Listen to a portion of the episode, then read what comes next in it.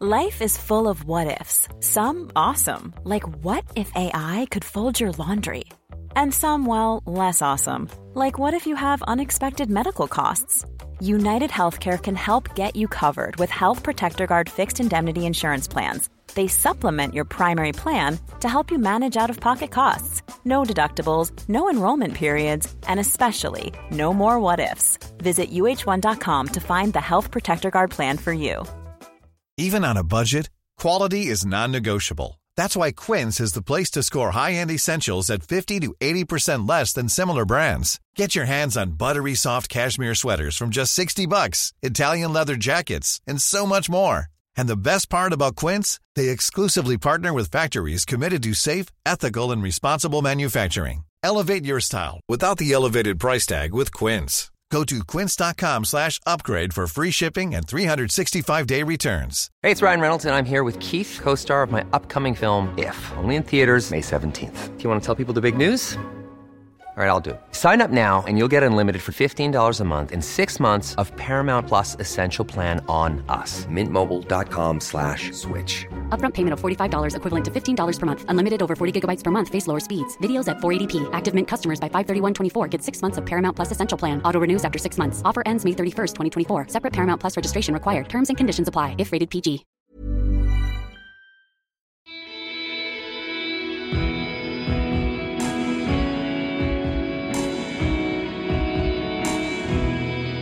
Det var guttedrømmen som jeg fikk eh, oppfylt, og så, og så har jeg jobba så hardt for å For at det skal bli At det skal ikke bare være et blaff i tid, og så, og så bank i bordet.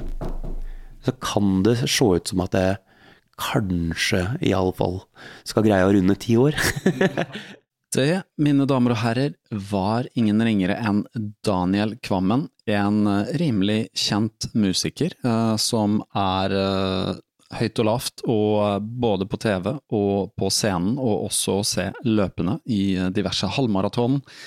Trene på Bislett, om du er der innimellom. Daniel er en mang, mann med mange jern i ilden, og han tok turen på podkasten for å fortelle litt uh, om sin bakgrunn, sin vei inn i musikken, uh, hvordan han uh, klarte å bli Få noen muligheter til å spille der ganske tidlig i sin karriere, og ble rett og slett kjent ganske så fort, med selvfølgelig en fantastisk sang og et fantastisk album. På slutten så får vi også en av Daniels låter, som han har sjenerøst plukket ut. Uh, så dette var en samtale som uh, strakk seg rimelig lenge. vi tror vi satt i to timer. Og selvfølgelig snakker vi litt om Bob Dylan, som jeg har gjort før i podkasten. Det var ganske gøy å høre at Daniel hadde ganske god innsikt i Bob Dylan, og også var fan. men vi snakker om mye i denne praten, og det handler jo også om å finne, når du er musiker, finne en balanse mellom løping og opptreden og uteliv og trening og alt dette her. Noe Daniel sjonglerer ganske mye. Uh, han har ganske mange baller i luften på en gang. Før vi går til praten med Daniel, så vil jeg bare minne om at vi arrangerer, Magnus Tore og jeg, Kaptare 6- og 12-timers på Sofiemyr stadion, 400-metersbanen der i Oslo. Det blir også eh, tidtaking for maraton. Og vi har medaljer til alle, premier fra Xtep Nordic og Fuel of Norway samt to startplasser blir loddet ut til Oslo Maraton. Så hvis ikke du har meldt deg på, Kaptare 12-timers, det er bare å skrive ned Google det er påmelding på Racetracker. Så nå får du en prat med Daniel Kvammen og meg. Velkommen til podkasten, Daniel Kvammen. Hei, veldig hyggelig. Veldig hyggelig å treffe på deg. Uh, første gang. Ja, første gang. Ja. Uh, spennende. spennende. Veldig spennende. Du, er, uh, du skal vite at du er ønsket på podkasten. Jo, du, ja, det var veldig hyggelig, da. Det er noe fått... prestasjonsangst. det trenger du ikke ha. Um, du har gjort dette før, så vidt jeg forstår? Eh, ja, jeg har, vært, jeg har uh, vært i et intervju eller to før, ja. ja. ja. På, uh, har du vært lange løp?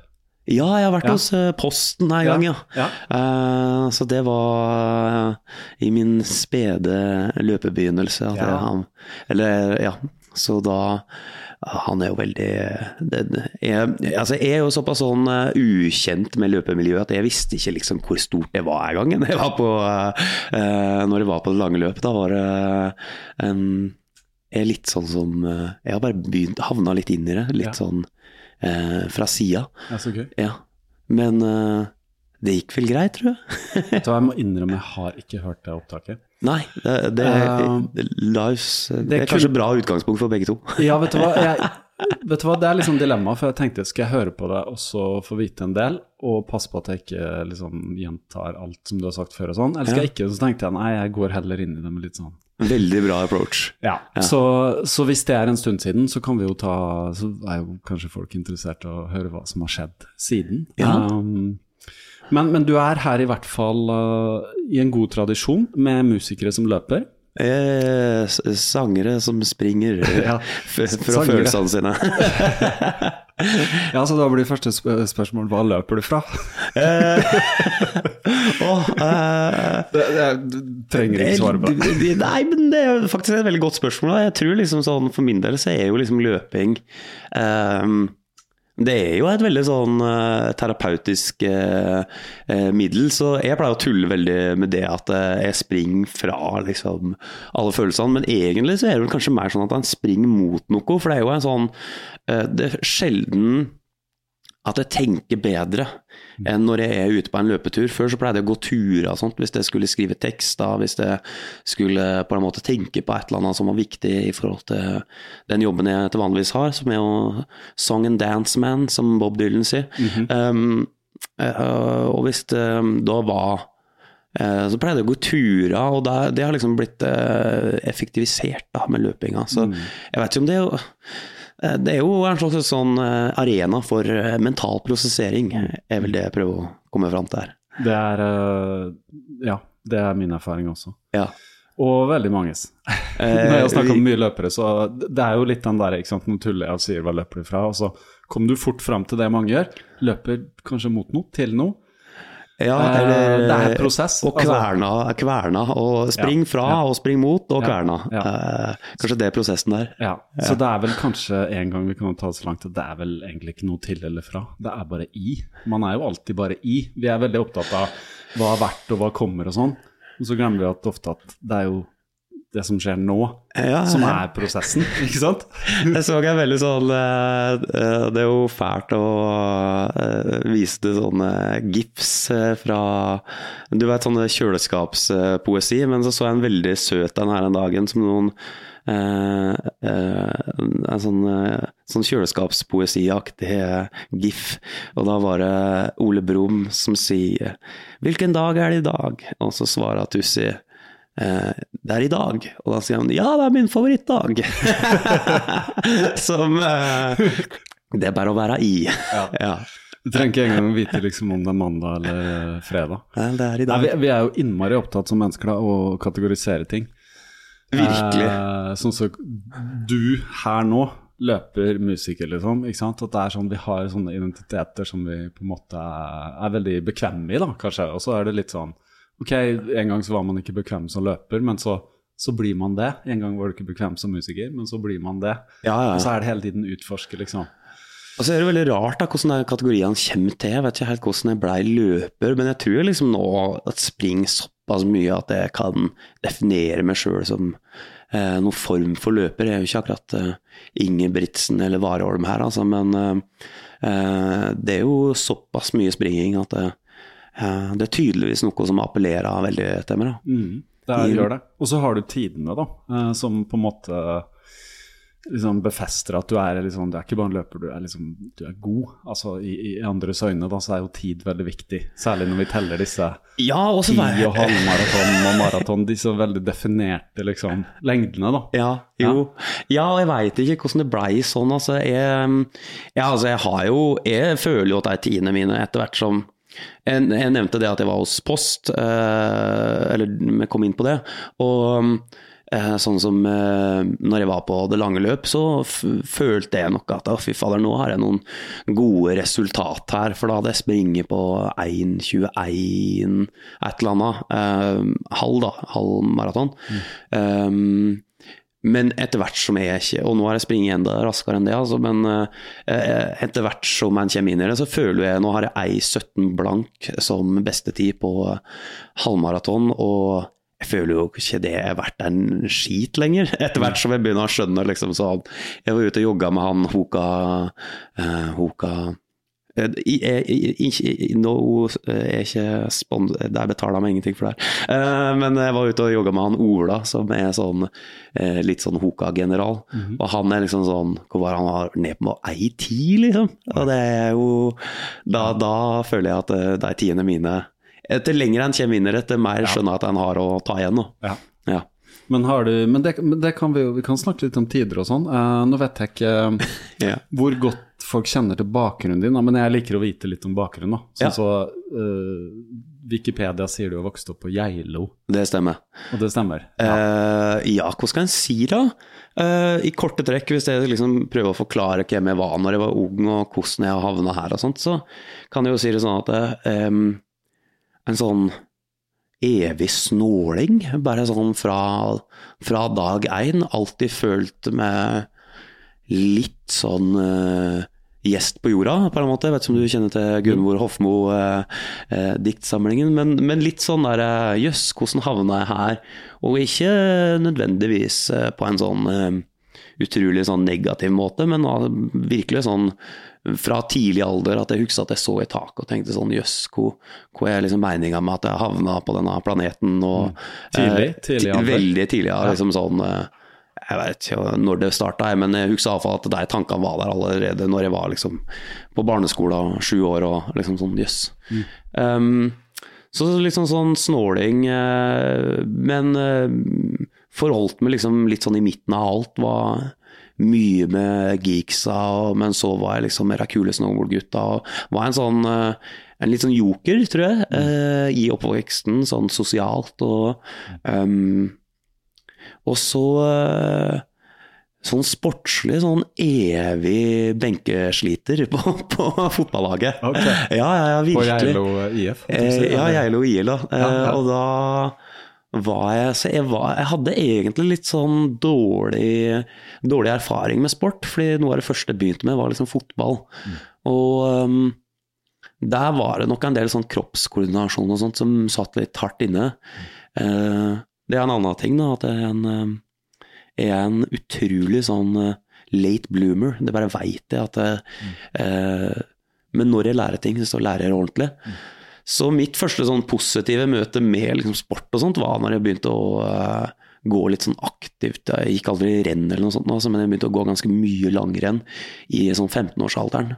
Og skjønte da at uh, disse individuelle sportene, apropos å være uh, litt sånn en litt sånn merkelig merkelig type, så, så skjønte jeg at å ja, hvis jeg kan bare styre på aleine og finne ut av ting aleine, så så kan jeg vel liksom få det til, men eh, det blei litt mye å forholde seg til med alle disse eh, folka på laget og alt det der greiene der.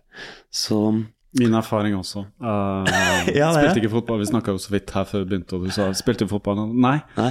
Jeg var mer sånn Jeg var litt for Snakka om sånn følsom og, og litt sånn late bloomer. Jeg syns det var for uh, fysisk, fotballen. Ja, Eh, den derre liksom alle løp etter ballen, og det var kroppskontakt og sånn, så er jo Ja, den individuelle idretten var liksom litt mer verna fra fra all den der ja, slåssinga, ja, ja. og ballen i ansiktet og sånn, som jeg opplevde på Husker på Du vet på Løkka eller noe sånt, så fikk man en ball knallartig. Ja, og det, der, det hadde jeg faktisk glemt før du sa det nå, men det der var jo sånn fryktinngytende. Liksom, sånn at Ja. det kunne jo smelle noe så jævlig, og det var jo ikke Du hadde jo ikke kontroll på det sjøl, liksom. Ikke i hele tatt. Eh, mens eh, tryna du på ski eller eh, tryna på sykling, så nei, på, når du springer, så er det jo på en måte din egen eh, Ja. Da, har du kontroll på det, eller altså da, da er det din egen feil. Men det er altså, jeg, sånn som jeg skjønner det litt nå, så langrenn har på en måte gitt deg litt den For ofte så merker man at de som er gode til å løpe, har jo drevet med noe i kanskje barndom og ungdom som er litt sånn eh, aerob, du vet. Altså sånn Ja.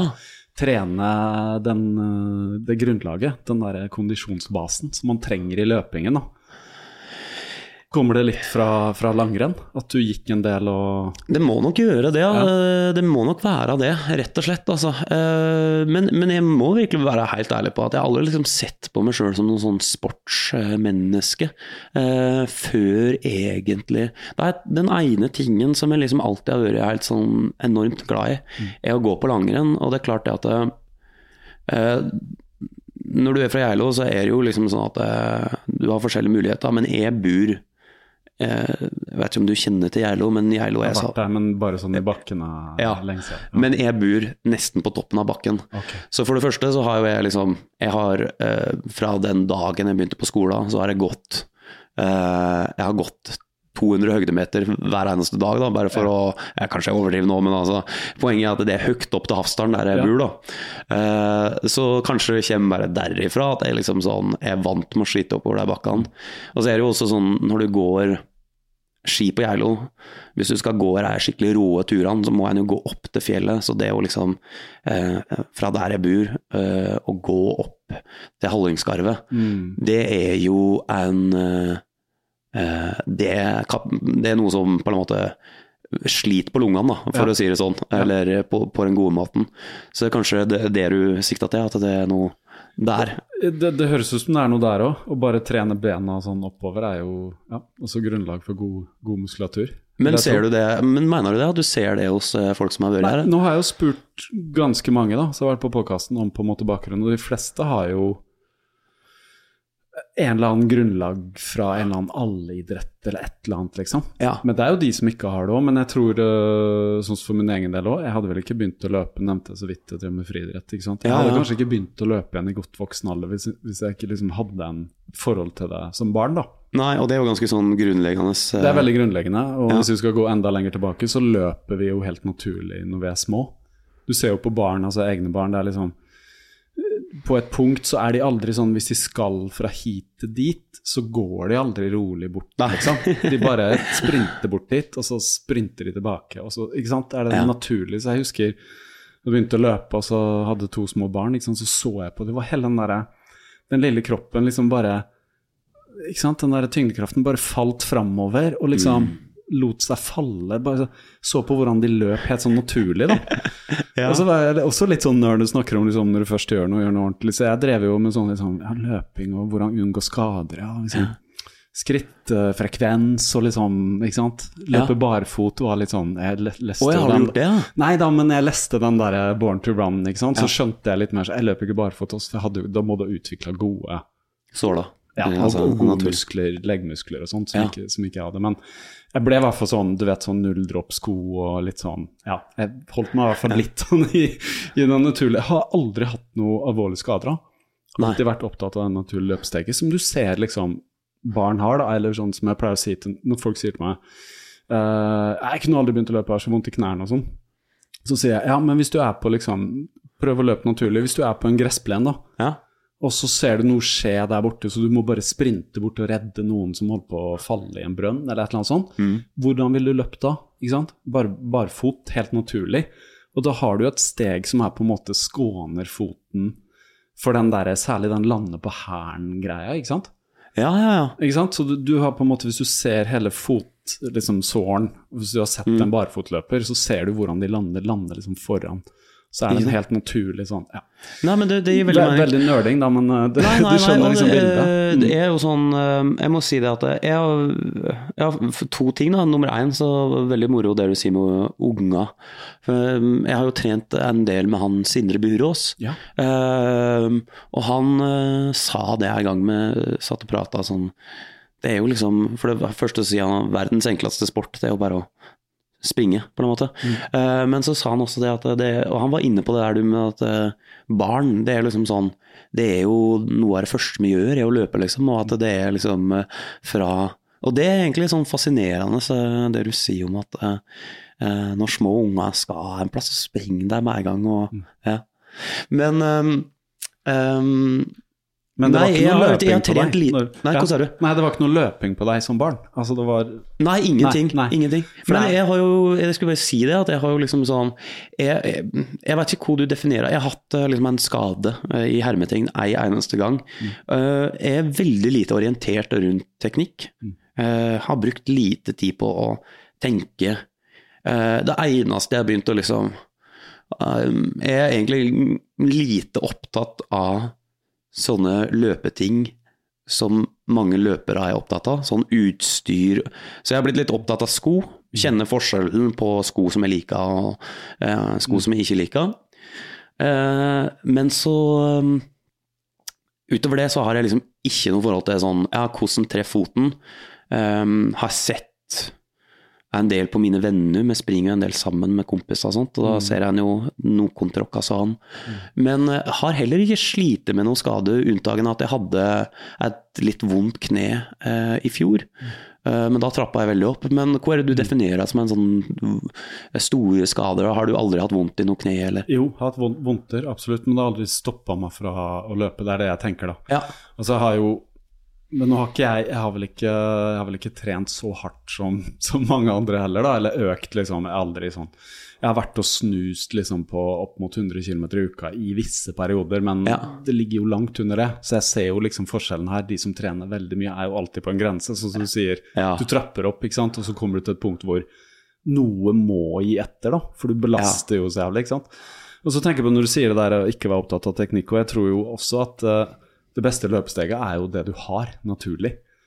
For Ja, det hvis du kanskje. begynner å rote og tenke sånn, ikke sant. Så jeg også eh, tenker jo ikke på løpesteg nå lenger. Mm. Utenom at liksom Når man øker frekvensen, så må man kanskje ja, være litt mer bevisst, da. Sånn, ja. Siden jeg løper, i hvert fall de siste to-tre åra, har løpt mye roligere enn før, da.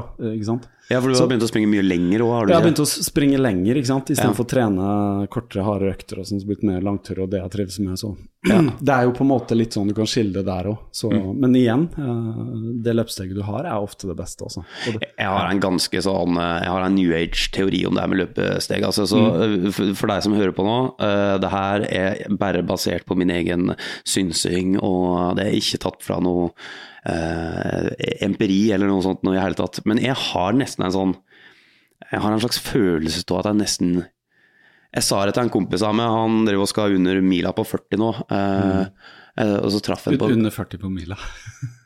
Uh, Ja, du sa under mila på 40. Å ja, sorry, sorry. sorry. Uh, og han, uh, han heter Martin, og min nabo, og han sa det at eh, han, eh, han Han var veldig opptatt av det her med løpesteg og sånt, og da fortalte jeg min teori er at eh, jeg har vært heldig nok til at jeg har hatt en gjeng da, som liksom dette her, alt det her løpinga starta med. Det starta spesielt mellom, gjennom en kompis, og så ble jeg med en større gjeng. og så Der jogga jeg fortsatt eh, med liksom veldig ofte. da. Og da har jeg vært heldig nok til det beste eh, treningstipset jeg kan gi noen. Spring med folk som er bedre enn deg sjøl, eh, og spring heller en runde min, ta, ta en ekstra runde pause når det er spring lengre og sånne ting. ikke sant? Eh, men da har jeg fått lov til å ligge i hælene på deg. Og jeg har nesten en sånn teori om at uh, en imiterer deg en springer etter.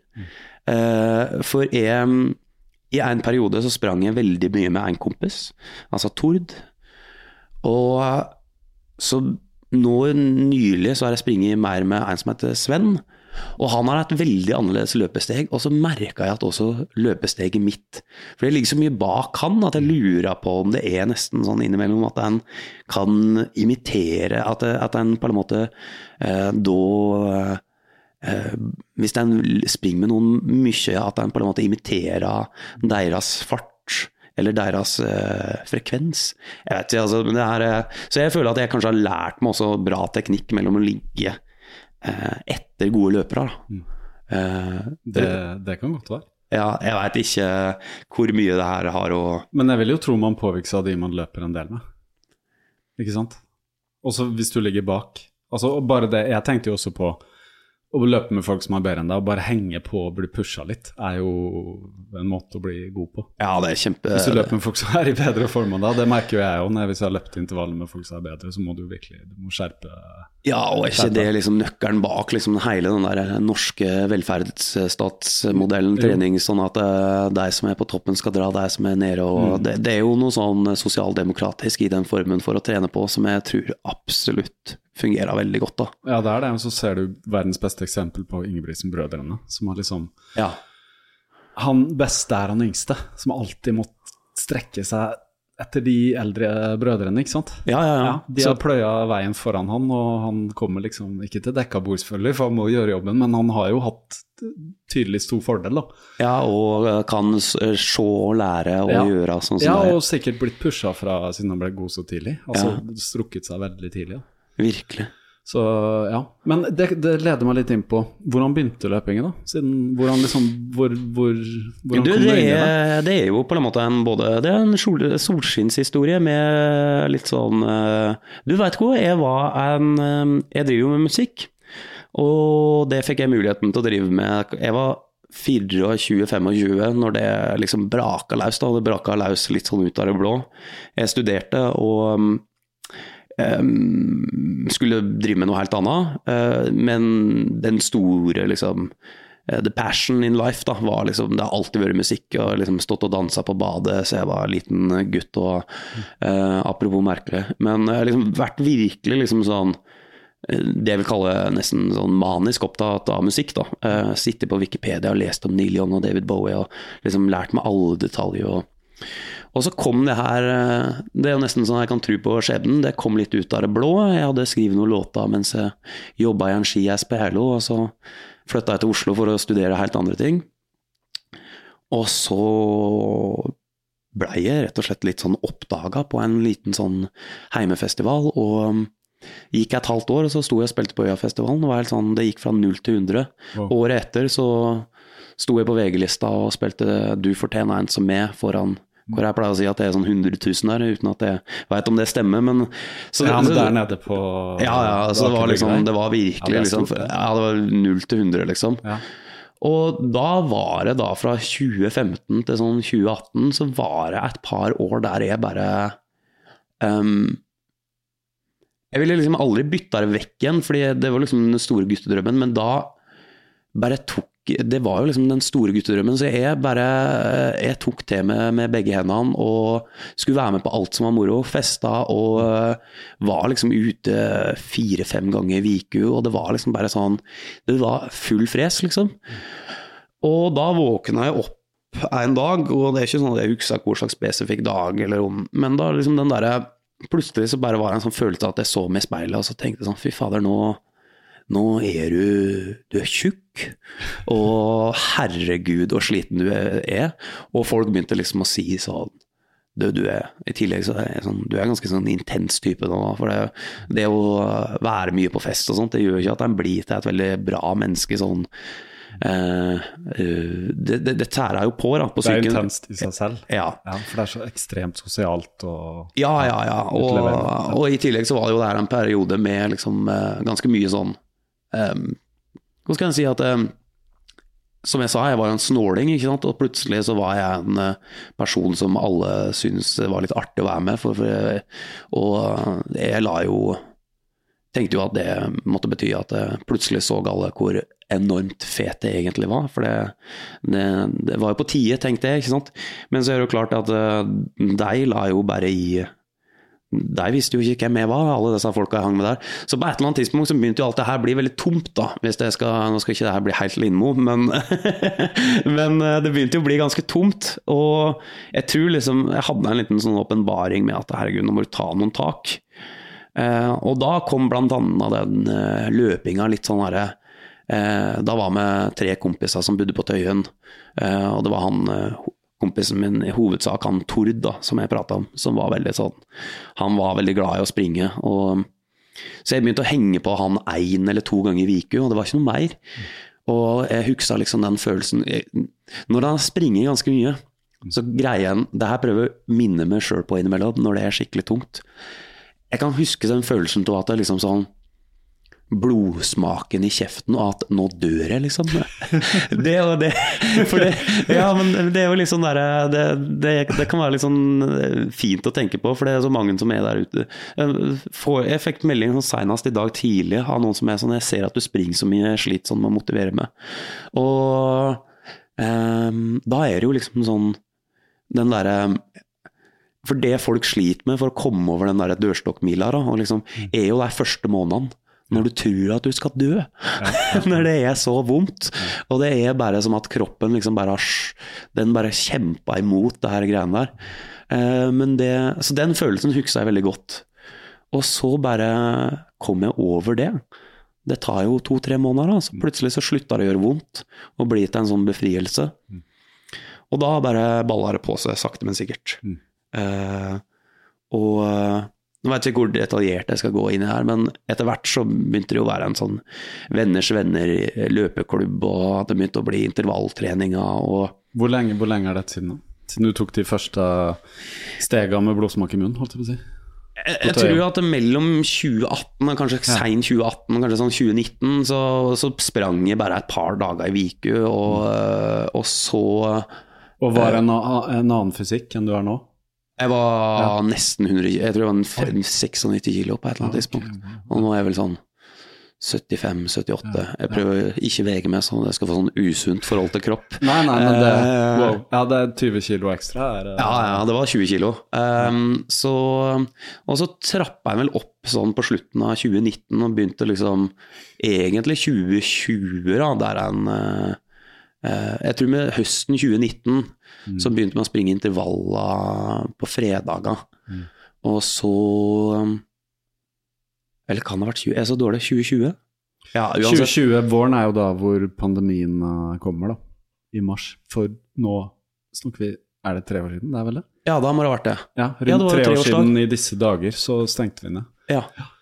Um, ja, så da begynte det å balle på seg, og så ble det snakk om Så i hele den prosessen her, så er jeg egentlig bare er en litt sånn fyr som bare får lov til å henge med, og det var noen folk som var veldig flinke til å springe, sånn som han Tord, som jeg har nevnt flere ganger. Han, han var i ganske god form og begynte å bli veldig god form, og jeg var liksom eh, I denne vennegjengen da, så var det jo bare sånn at jeg, jeg var jo en helt sånn middels Jeg var jo ikke noe Jeg var jo en av de dårligere.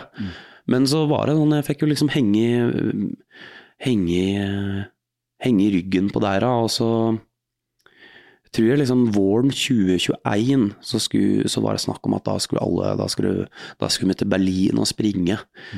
Og um, da hadde jeg i tillegg vært på Kompani Lauritzen, så jeg hadde trent ganske mye styrke og sånt, det der Kompani Lauritzen-greiene høsten før. Og, uh, og da skulle jeg springe under 1,30, var liksom målsettinga. som er en På halvmaraton. på halvmaraton, ja, i På Berlin. vår, vårparten Berlin. De kjører halv der, er det ikke? Ja. Ja. Eh, er det starten av april? Slutten? ja. Slutten? Ja, Ja, april, april, ja. april iallfall. Så da mm, Og så gikk jeg da Da skulle jeg springe under 1,30, og så gikk jeg inn til 1,21,30 eller noe sånt. Nå. Mm. Uh, så det blei jo en enorm opptur, da. Det var vel da jeg liksom skjønte at eh, å ja, her har det blitt litt sånn Her har det blitt litt orden, orden på ting.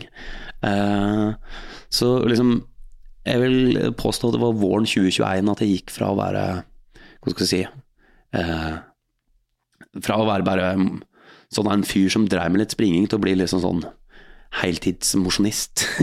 ja, Ja, ja. ja, rett og slett. Så det er eh, Du kan takke, kan takke han Tord, da, høres det ut som. Ja, På et ja, vis. Selv om det, du kan si det er litt skjebne nå, eller det er litt sånn Ja. Du, du tok jo tak selv. Det er jo du som må gå ut og begynne å løpe, liksom.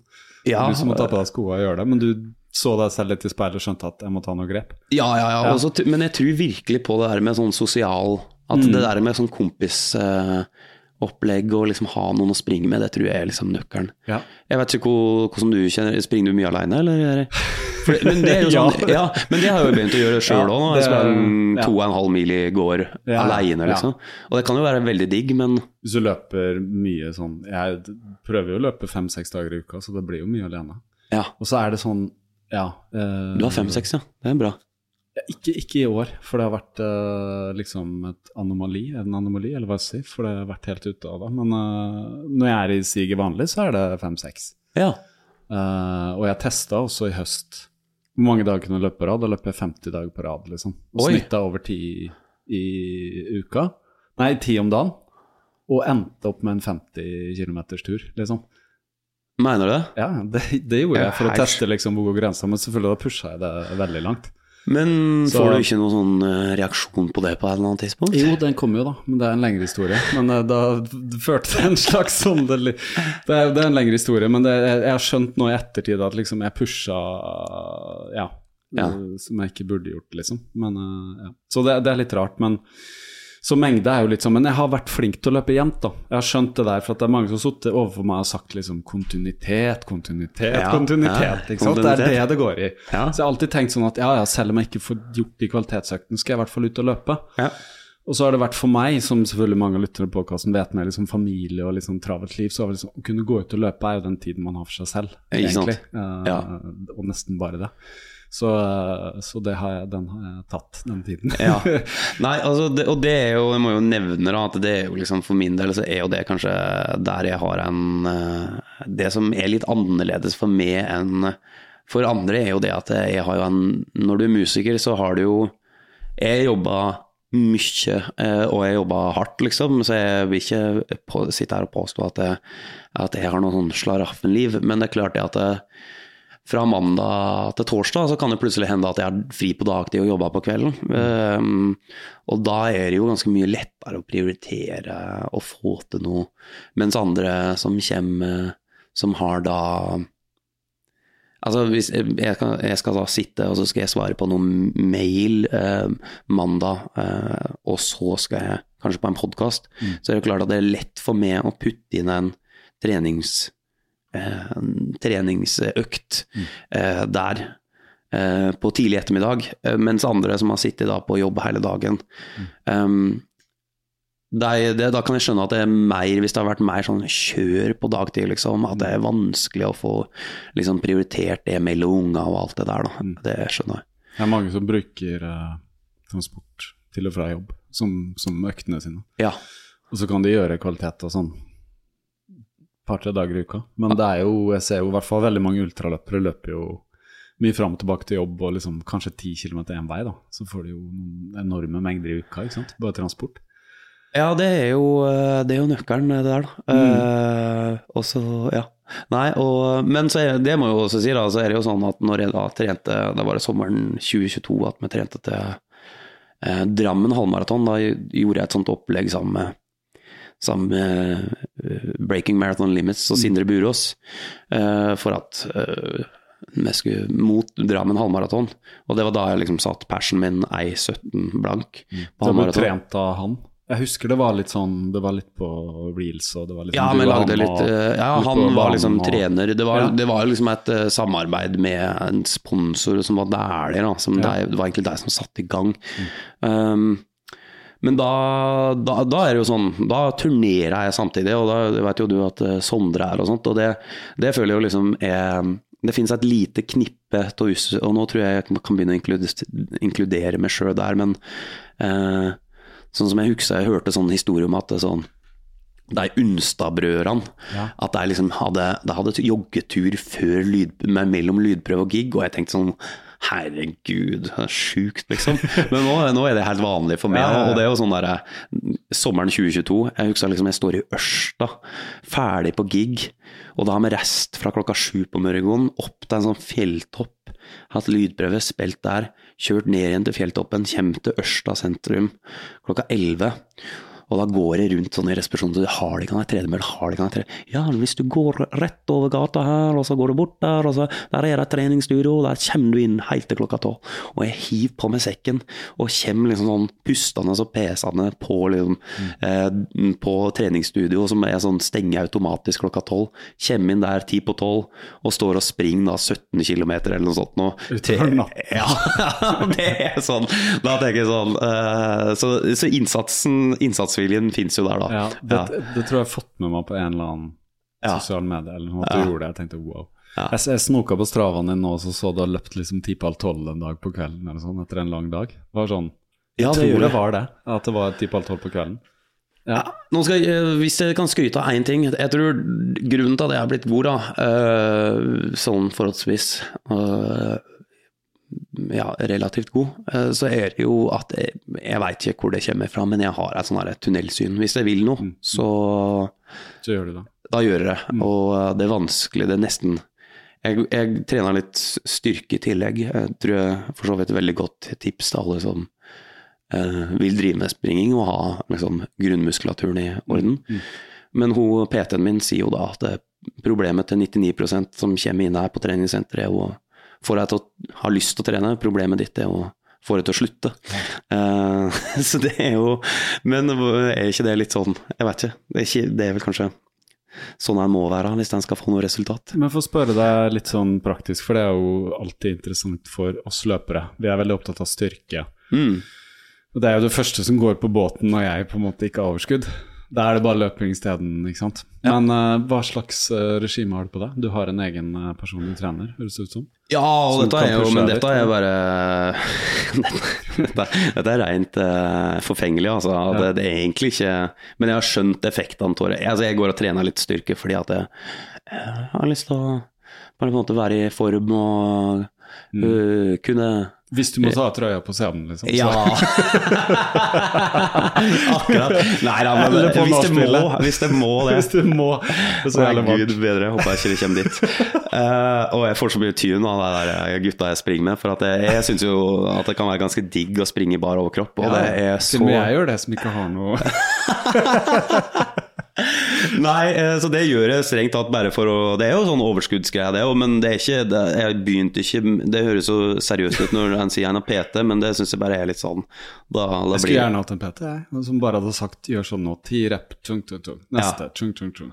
For Ja, det er jo det som er liksom sånn du bygger muskler, da. Jeg at Du må liksom pushe den ekstra Hele tida. Ja, hele tiden, Og det er litt jeg vanskelig når en driver på aleine, syns Ja, det jeg. det. Ja.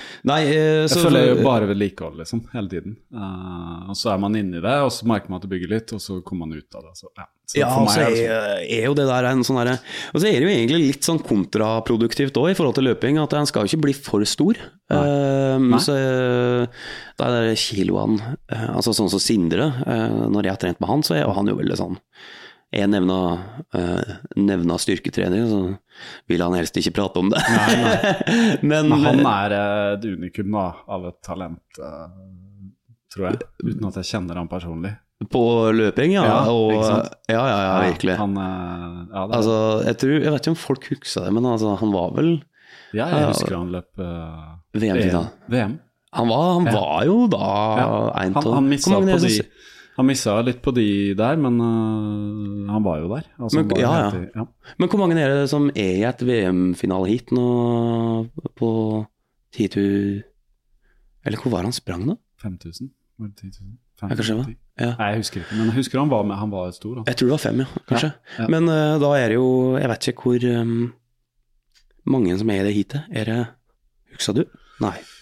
Eh, nei, det gjør jeg faktisk ikke. Så Si- inni det er jeg ikke. Si at det er ti, da. ja. Så er han jo da på det tidspunktet en av verdens ti beste løpere Ja. akkurat der og da. Så Ja. det er jo ganske rått.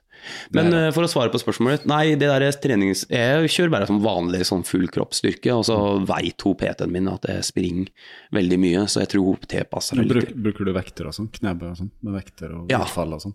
Og før så drev jeg med sånn eh, men, men nå er det innimellom litt maskiner og sånt, bare Ja, for okay. å unngå altfor stor belastning i forhold til løpinga. Ja. Ja. Men hva er Eh, det du fokuserer på, da? Nei, det er egentlig bare å holde seg generelt i Ja. sånn god styrkeform. Så jeg har ikke noe sånn, der, jeg har ikke noe sånn spesifikk Altså, jeg går liksom gjennom full kropp eh, fra bein til tå. Mm. Eh, Tåhet. fra, bein til tå. Fra, Fra bein til tå, ja. Ja, men fra huet til, til, til bein. Eh, så det er liksom Det er bare vanlig styrketrening. Sånn eh, beinpress eh, eh, Hva er alt man gjør, da? Eh, strakmark, alt det der greiene der, liksom. Eh, men eh, jeg har en veldig sånn sterk eh, følelse av at det hjelper ganske mye da, på løping. Men jeg, eh, det, det veit jeg at veldig mange løpere eh, Jeg har liksom inntrykket av at det er egentlig ikke så mye en Det blir ikke prata så mye om i løpemiljøet, eller tar jeg feil? Styrke?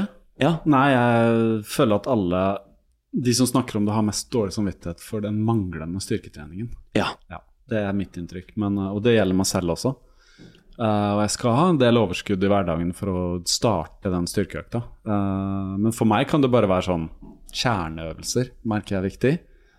Og så stopper jeg, og det har jeg sagt før, med liksom, du vet de tufteparkene rundt om. Ja, ja, Så ja. er jeg på løpetur, så bare stopper jeg der og gjør sånn, du vet, pushups på de der eh, barsene. Tufteparkene, fy fader, for et Litt konsept. sånn, ja, liksom, gjør litt sånn, så jeg bare merker at jeg holder en sånn viss toning, da. Og kjernen har jeg skjønt er viktig, så jeg, jeg jobber, prøver Virkelig, å jobbe virkelig. en del med den. Virkelig. Og så burde det vært mer utfall, mer sånn Nå var jeg i gang med en knebøy her igjen, Uh, etter flere måneders fravær, altså. Og Ja. det var sånn jeg var støl Det var sånn Jeg følte at jeg hadde liksom inflammasjon i kroppen dagen etterpå.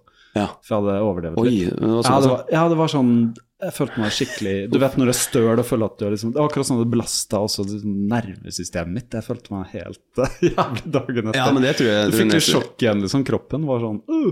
Ja, men jeg tror det stemmer. Altså, Ja. Det er jo uh... Så det viktigste er å ha det litt sånn kontinuerlig. Og så, ja. Som med løping, da. Det er jo tøffere hvis du har hatt et langt opphold og begynne igjen. liksom. Ja, jeg tok det faktisk litt med ro i høst, og da var det ganske hardt å ro og ro. Jeg var nede på Nå springer jeg kanskje Nå er jeg oppe på sånn ni, ni mil i uka, tror jeg. Ni- Ja, ok. Ja. 90 km. 90 km. Ja, ja, ja. uh, men var nede på sånn fire-fem. Mm. Og da merka jeg da var det ganske hardt å komme seg i gang igjen opp og få det rulla opp igjen til sånn. 4-5 kan du liksom cruise litt gjennom. Bare slenge inn en time her og en time der. Ja, virkelig. Ja, så ja. Ja. Men hva, hvor, er du ganske metodisk? Du har, er Sindre liksom involvert i å, å gi deg opplegg og sånn, eller har det vært litt sånn Sindre kom jo med noe opplegg for eh, den sommeren som jeg dreiv på. Så jeg er metodisk det, det, Egentlig nå er det et godt spørsmål, for nå trener jeg på egen hånd.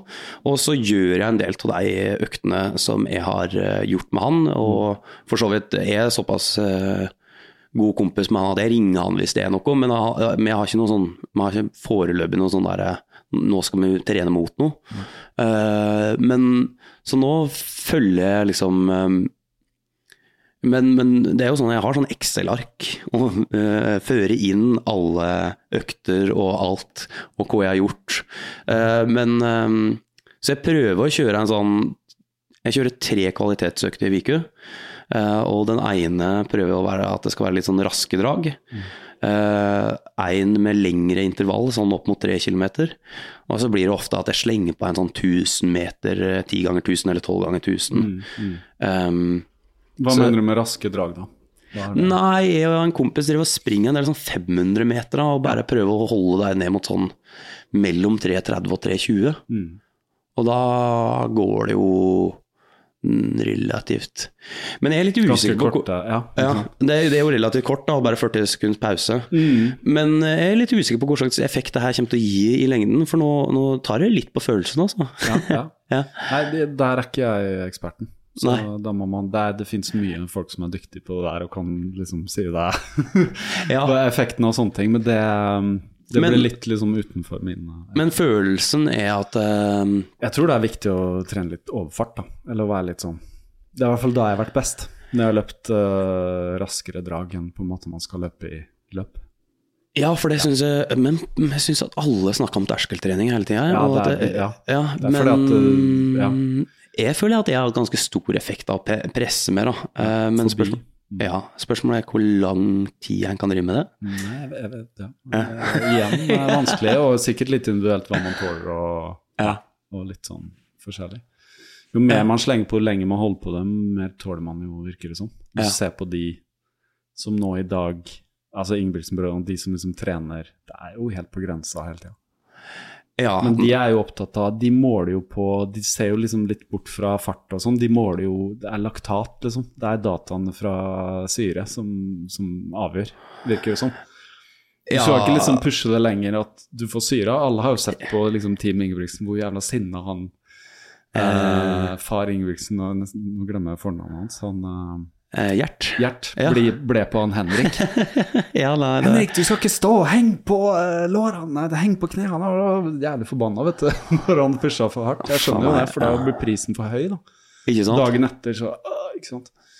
Sitter igjen i systemet. Og det har vi alle kjent på. En sånn økt som virkelig bare har gjort det uh, helt Ja, virkelig. knust dagen etter. Ja. Og det Nei, den der overtreninga jeg, jeg tror nok at jeg vippa litt på punktet eh, det punktet innimellom, at det liksom kanskje er litt for mye belastning. Um, altså, det er klart at jeg, nå, nå trener jeg ikke så mye som det, men eh, hvis det er jobb og sånt i tillegg, så um, og, Men uh, ja, sånn, ja, nei, for, for, å si det, når det gjelder sånn laktat og overtrening og sånt Sindre har jo vært veldig opptatt av det der å lytte til kroppen, og det føler jeg liksom at det er at det er liksom Hvis det er noe jeg prøver å være god på, så er det at jeg liksom skal høre etter når, når nok er nok. Bruker sjelden sånn klokke og sånt um, når jeg er ute og springer. Så um, veldig prøve å liksom uh, ha et sånt bevisst forhold til at uh, Og i dag kjennes det bra å springe fort. Mm. Eller i dag er det dårlig. Mm. Mm. Kjenner litt på det? Ja. Ja. Nei, det tror jeg også veldig på. Det er mange, mange intensiteter man kan løpe på. Du kan se på klokka og sånn, eller du kan uh, kjenne på pust. Eller du kan bare kjenne på hvordan kroppen er, og hvordan beina responderer og sånn. Og du kan se på pulsen. Men det må jo være ganske sånn sjukt når du springer sånne lengder som du springer. eh, Da Ja, da er det jo lav puls hele tiden. Det er jo sone én, liksom. Hvis du løper altså, Det kommer jo an på, da, men uh, nå er ikke den som har løpt lengst. Men uh, med en gang du liksom uh, ikke er på maratonnivå, men lenger, så handler det for meg personlig så har det alltid handla om å bare klare distansen. Så da vet jeg jeg må holde meg på et nivå som er sånn at jeg kan holde ut, bare. Mm. Ikke sant? Ja. Jo, men, men, men på et eller annet tidspunkt så kjenner du ikke på en sånn utmattelse sånn muskulært. Jo da, du blir sliten på en annen måte. Ja. Og når jeg prøvde meg på sånn, den 50-milesen og sånn, så var det jo sånn på slutten Så er man jo veldig tom også fordi du aldri har løpt så langt før, så du kjenner deg mentalt tom for det har gått så jævlig mange timer. Så det måtte jo bare gå litt, løpe litt, gå litt, løpe litt. Komme inn til byen, måtte innom godt brød og kjøpe en bolle og en sånn ingefærøl. Og så skjønner du, bare for å få noe i systemet, og så løpe videre, ikke sant. ja, for da er det sånn at han også kan liksom på en måte nesten ta litt pause, og Ja, så ja. fortsette. Hvis du ser på Når du kommer inn på de insane lange ultraløpa, så er det jo selvfølgelig Folk stopper, eh, stopper og spiser i fem-ti minutter og sånn. Hvis du snakker Å, om ja. 24-timersløp eller Ja, ja. eh, 100 miles som mange løper på rundt 24 timer, da, men som andre pusher ned mot 18-17-16, ikke sant. Uh, så har du Spartatlon som er enda lenger, 240 km, så du ja. 30 pluss timer og sånn, skjønner du. Så da er det sånn, ja. Da handler det om å planlegge med spising og hviling og Ja, ja. tre minutters sovenapper og sånne ting. Så det er jo en helt, helt egen greie. Virkelig. Det virka så spinnvilt, det der opplegget der. Ja, Eh, inntil, inntil du plutselig en dag finner ut at du skal liksom prøve, da. Men hvordan kom du inn i det? Nå var det bare Jeg vet du hva, jeg vil påstå at det er rett og slett bare på Du snakker om sånn hvem du henger med og blir påvirka og sånn. Ja, så det er jo sittet og snakka om folk på podkasten, da. Så Ja. da, liksom, ja, så blir med og løp 50 km en dag. Så tenker jeg sånn «Ah, Løp 50 km en dag. Men det tok lang tid, men så en dag så prøver man, da, og så kan man det. Ja. Men jeg er jo bare sånn Jeg er liksom baby steps, også i ultraløping, i forhold til mange av de villeste. Ja. Eh, og i dag er det som hvis du ser på liksom i verden, så er det jo blitt sånn Altså nå er det jo etappeløp eh, over mange dager, og det er liksom sånne 500 km, 1000 km i Tyskland, skjønner du. Altså det er Ja. Hvor går grensa, liksom? Simen Holvik som var på podkasten, løper fra nord til sør på 25 dager. Mm. Over 2500 km. 100 km om dagen. Faen, Det er sånn Det er vanskelig for Hvor oss mye å sa du var totalt? 2500 km er Norge på langs cirka, da. Så du, du liksom løper 100 km om dagen. Du Ja, står opp og løper hele den dagen, liksom. Og så må du ha et opplegg da, for å spise og hvile og, og sånn. Så, så han har jo den beste noteringa der, liksom. Ti mil om dagen, ja. 10 mil om dagen. Jeg har ofte tenkt på hvor lang tid jeg hadde brukt på å springe hjem til Geilo. Det er 25 mil. Ja, 250. ja. Ja, Så det skal gå på en og en halv dag, er det det du mener? At det... Ja, hvis du Ja, altså det tror jeg blir tøft, for det er mye oppover og sånn. Uh, Det er jo, ja. Men et par dager. Eh, men det, er jo, det arrangeres jo et sånn uh, Oslo-Bergen, da, trail. Ja, det gjør det. Uh, det gjør det. Så der er det Men der, er det, der må du løpe minst i par, to eller tre. Og det har med litt sånn sikkerhet å gjøre og sånn, tror jeg. Ja. Men jeg kjenner folk som har løpt der òg. Det er helt sånn Jeg husker ikke, men de bruker fire-fem dager. Ja. Uh, Oslo ja, det må det ha vært. Men det er jo sykt med høydemeter og, Ja, det og er på jo sti og sånn, så det er jo med en gang Altså, jeg skiller mellom ultraløp på asfalt og uh, på, på sti. Ja, ikke sant? Det, det er for meg litt sånn separate ting. For Mm. en Bislett 24 inne Ja. er jo noe annet enn å løpe en 100 miles i terreng. Det kreves jo litt andre Altså, terreng er jo tøffere, selvfølgelig. Ja. Og når du ser på de store terrengløpa sånn, med høydemeter og sånn, det er jo virkelig spinnvilt. Altså ikke sant, du vet Ja. Hvis du skulle løpt liksom opp og ned på Geilo i sånn tut, tut, tut, tut, tut, i 24 timer eller 36 eller noe sånt Ja, ja, det- Enda en klatring, liksom. Å, herregud, det er jo supertøft. Men det er utrolig hvor liksom muskulaturen klarer. Jeg bare Ja. merker det Det er jo ikke mer enn liksom et par langturer. Sånn. Er, altså, mm, det lengste jeg springer, er sånn 25-26 km. Liksom, sånn, Og da springer det eh, som sånn halv- og hel maratontrening. Um, og det er jo eh, Når jeg begynte med det nå igjen Som jeg sa, jeg tok litt fri på eh, våren. Eh, nei, på høsten nå. Og Ja. så begynte jeg nå over nyttår. Og da er det jo Det skal jo ikke mer enn to-tre sånne langturer til før du liksom tenker at det, to mil, det er liksom Plutselig så sitter det i beina.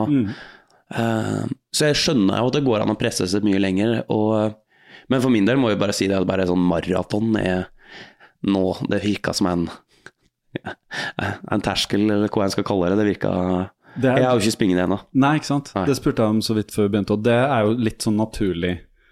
Uh, etter halvmaraton, og gjort det så bra som du har, så er det jo den maratontiden er jo en litt sånn eh, Hvis liksom halvmaratontiden føler jeg blir liksom inngravert i sølv, så er liksom maratontiden blir inngravert litt i gull, og jeg ser jo det, det er noe med den statusen da, som det har. Mm. og jeg var veldig opptatt av det, at jeg skulle på maraton. Mm. For det gjorde liksom kompisen og folk her på podkasten og sånn Ja. så trodde jeg liksom at jeg skulle klare det ganske fint, men dumma meg helt ut liksom på første og gikk helt tomme etter 30. Og, Ja, du sant? gjorde det, ja. Ja, ja. Ja. Gikk fullstendig i veggen der. eh, Men det er god erfaring, det. Skjønte jeg nesten at jeg måtte ha en mye bedre ernæringsstrategi. Så etter å ha prøvd meg et par ganger til, så gikk jo det fint, liksom. Med skjønte- mat, rett og slett? ja, med bare gels, liksom. Bare, Ja, måtte, bare, måtte bare ha minst en gel hver 50 km. måtte jeg. Ja. Uh, Det, det skjønte jeg. Så når du kommer liksom til 35-40, så holder du på å spy av de gelsene. men, eh, men jeg skjønte det at sånn, ikke sant? de glykogenlagerne måtte jeg bare opprettholde, da. Fordi Ja, så det er en sånn fin, fin linje der. For du løper jo veldig på grensa.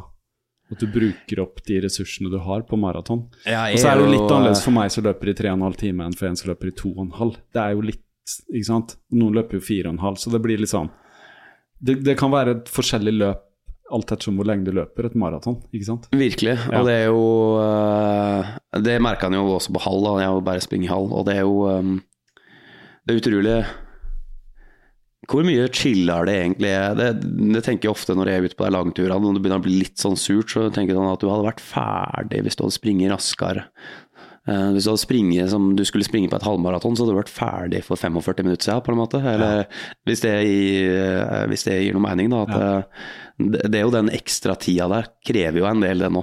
Den gjør det. Ja. Den gjør det. Uh, nære det, er i bevegelse, så ja. Nei, det derre der jelly-regimet, ja, det, det, det er beinhardt. Det, det ble banka nedpå noe greier. eh, Det, altså, er det alle, Nei, hva heter det? Alle, Morten, ja. Morten, ja. Morten, ja. ja. Nei, det ble banka ned der i løpet av ja, Da har det vært ganske bra fyr med de greiene. Men det hjelper jo, da. Det gjør det. det, gjør det. Virkelig. Uh, nei, jeg er heldig nok til å ikke bli sånn kvalm altså. og sånt. Så Ja. jeg, Nei, for meg Eh. er det litt alt ettersom ja, hvor sliten man er. og merker jo det at det jeg har merka på de lange når jeg løpte ultra også, det er jo et eller annet som skjer noen ganger når du skal liksom ha kroppen til å ta inn næring når den er jævlig sliten. da. Det Ja. kan være litt sånn tricky, og det har jeg skjønt også på, på ultraløp, så er jo det ofte veldig tricky. Og der kan det jo gå helt skeis for folk, selv om de er i god form, så slår magen seg vrang. Bare vil ikke, ikke sant. ikke sant? Bare vil ikke ta opp noe fordi, av en eller annen grunn. Da. Så, Ja. så da kan det gå helt skeis. Folk det- har eksperimentert mye med det der. På sånn backyard, hva skal jeg spise? Ja. Ja, så må du bli litt vant med råd, er det ikke Ja, det? ja, ikke sant. Kroppen må jo liksom Ja. Altså, når jeg sprang i Berlin, så tror jeg jeg banka nedpå to sånne gels rett før. Jeg hadde, da hadde jeg drikket liksom sånn derre den eh, koffeinfrie før eh, Både kvelden før og på morgenen. Ja. Og i tillegg så hadde jeg liksom fått på, det at eh, hvis du tar to rett før du kjører Mm. eh, Og eh, det gikk helt fint sånn var Ble ikke noe dårlig eller noe sånn kvalme. Men altså, det var så mye koffein at det på et eller annet tidspunkt der så var jeg jo eh, Når, når det renn, eh, eller når løpet starta, er jeg ganske sikker på at jeg var ganske at jeg var nærmest dritings. For det, var, liksom, det gikk helt rundt på meg med det der koffeinsjokket. Ja, ja. Drikker du kaffe til vanlig? Ja, Ja. det går litt i perioder, men Ja. eh, Men du er ikke som hver dag drikker kaffe? Eh, nei, det er jeg ikke. Men uh, når jeg først drikker kaffe, så drikker jeg ganske mye. Så jeg er Mm. nesten sånn, eh, van, sånn Hva det heter hobbymisbruker av kaffe. Ja, ja. Ja, Det er interessant, for jeg har også vært litt sånn bevisst på det med koffein siste, siste månedene. Ja. Jeg har prøvd å trappe litt ned, rett og slett, på, på hva jeg inntar hver dag. Uh, så nede på én kopp. Det har vært nå i det siste. Jeg pleier å drikke to kopper, noen ganger tre. ja, og det hjelper, eller? Det hjelper Ja, altså Hva, hjel- hva hjelper det på? Nei, jeg har lest litt om det, da. Jeg har skjønt uh, Ja, altså jeg er en sånn fyr som har hatt litt problemer med å sove om natten og sant, vært gjennom Føler jeg har blitt ødelagt etter år med små barn og sånn. Ja. Så, men av, av mange forskjellige grunner. Og en sånn som sover lett. ikke sant? Jeg Ja. våkner jo hvis liksom jeg hører noe Ja. langt unna, liksom. ja. Uh, nei, det med kaffe er rett og slett for at jeg har lest litt om det når jeg lå syk etter koronaen og sånn, og så har jeg skjønt at kaffen gir jo energi, men hvor faen gir den energi fra? For den har jo ingen næring i seg. Den stimulerer jo de bynyrene til å produsere adrenalin som en slags adrenalin. Da. Det er mange former for adrenalin. altså Det er fryktadrenalin hvor du må rømme fra en Ja. bjørn eller en innbruddstyv, holdt jeg på å si. Så er det mange former for adrenalin. altså Binyrene er sofistikerte mye mer enn du tror.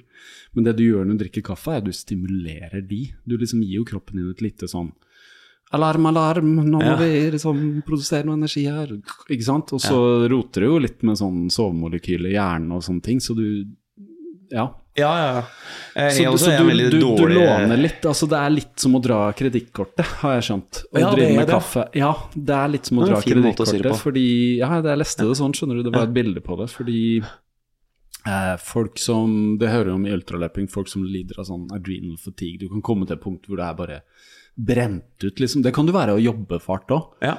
Se for deg en som liksom jobber knallhardt og fyrer nedpå med kaffe, og hver dag, dag ut, dag inn, og en dag så sier bare begynnerne ja, Nå må jeg ha en pause, altså. Helvete, liksom. Nå har jeg Ja. stått på for deg her og jobba knallhardt, men nå, nå må du bare liksom Og da er det bare snakk om folk går i veggen og sånn. Selvfølgelig er det sammensatt, da. Men jeg har skjønt Jeg at den kompis kaffe som, som er sånn, og Ja. han, han forstår det liksom ikke sjøl, men jeg bare prøver å da si altså, da må du ta litt rolig med løpinga òg, liksom. Du må roe ned. Nei, det har ikke noe med løpinga å gjøre, men det, det der er jo sånn typisk, da. Sånn, eh, ja, at det bare det blir nesten som en sånn Det der som jeg før kalte å gå på veggen. Ja. Eh, rett og slett. Og det er det du prata om, at det er rett og slett det?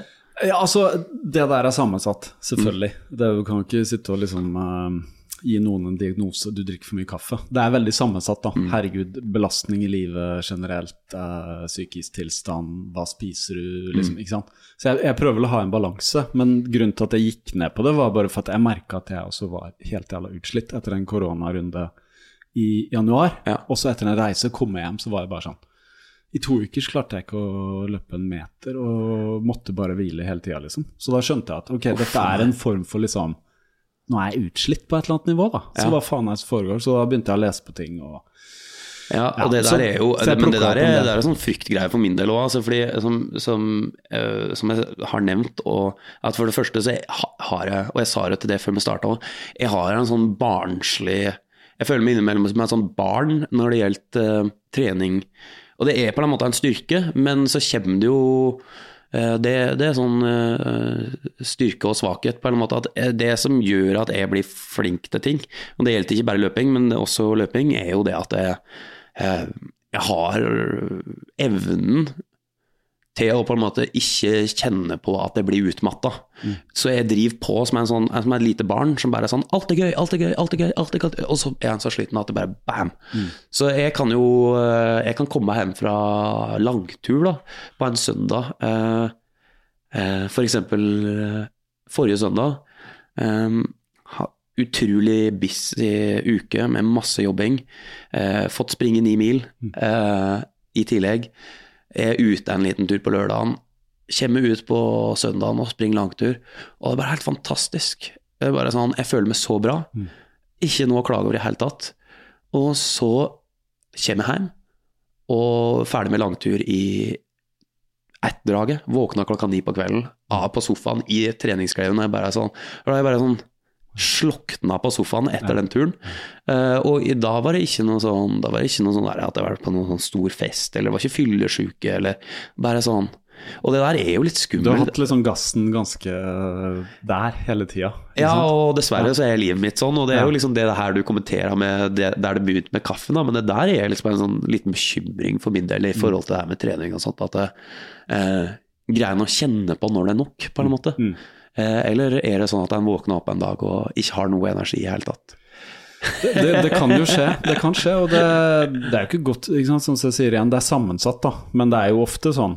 Hvis man beskriver det, folk som går på veggen og sånn, det er jo ikke fordi at de satt for mye på sofaen og liksom spiste potetgull, som oftest. Eller, det er jo selvfølgelig ikke bra heller, men, men det er jo ofte fordi folk kjører veldig på en periode, og det er et eller annet når og så Nå er jeg der i livet også, være sånn midt i livet, ikke sant, og kjenne på at liksom, man er ikke 25 lenger, eller 35 for den saks skyld. eller sånn Ja. midt på 40-tallet, og ikke at det er noe alder, men liksom, det er sånn Midt i begynnelsen, som De Lillo ja, sier. midt, midt i begynnelsen, det er litt sånn riktig. Så jeg, så jeg kjenner at liksom, ja, enkelte ting jeg har drevet med før også, har eh, sikkert hatt sin pris. ikke sant.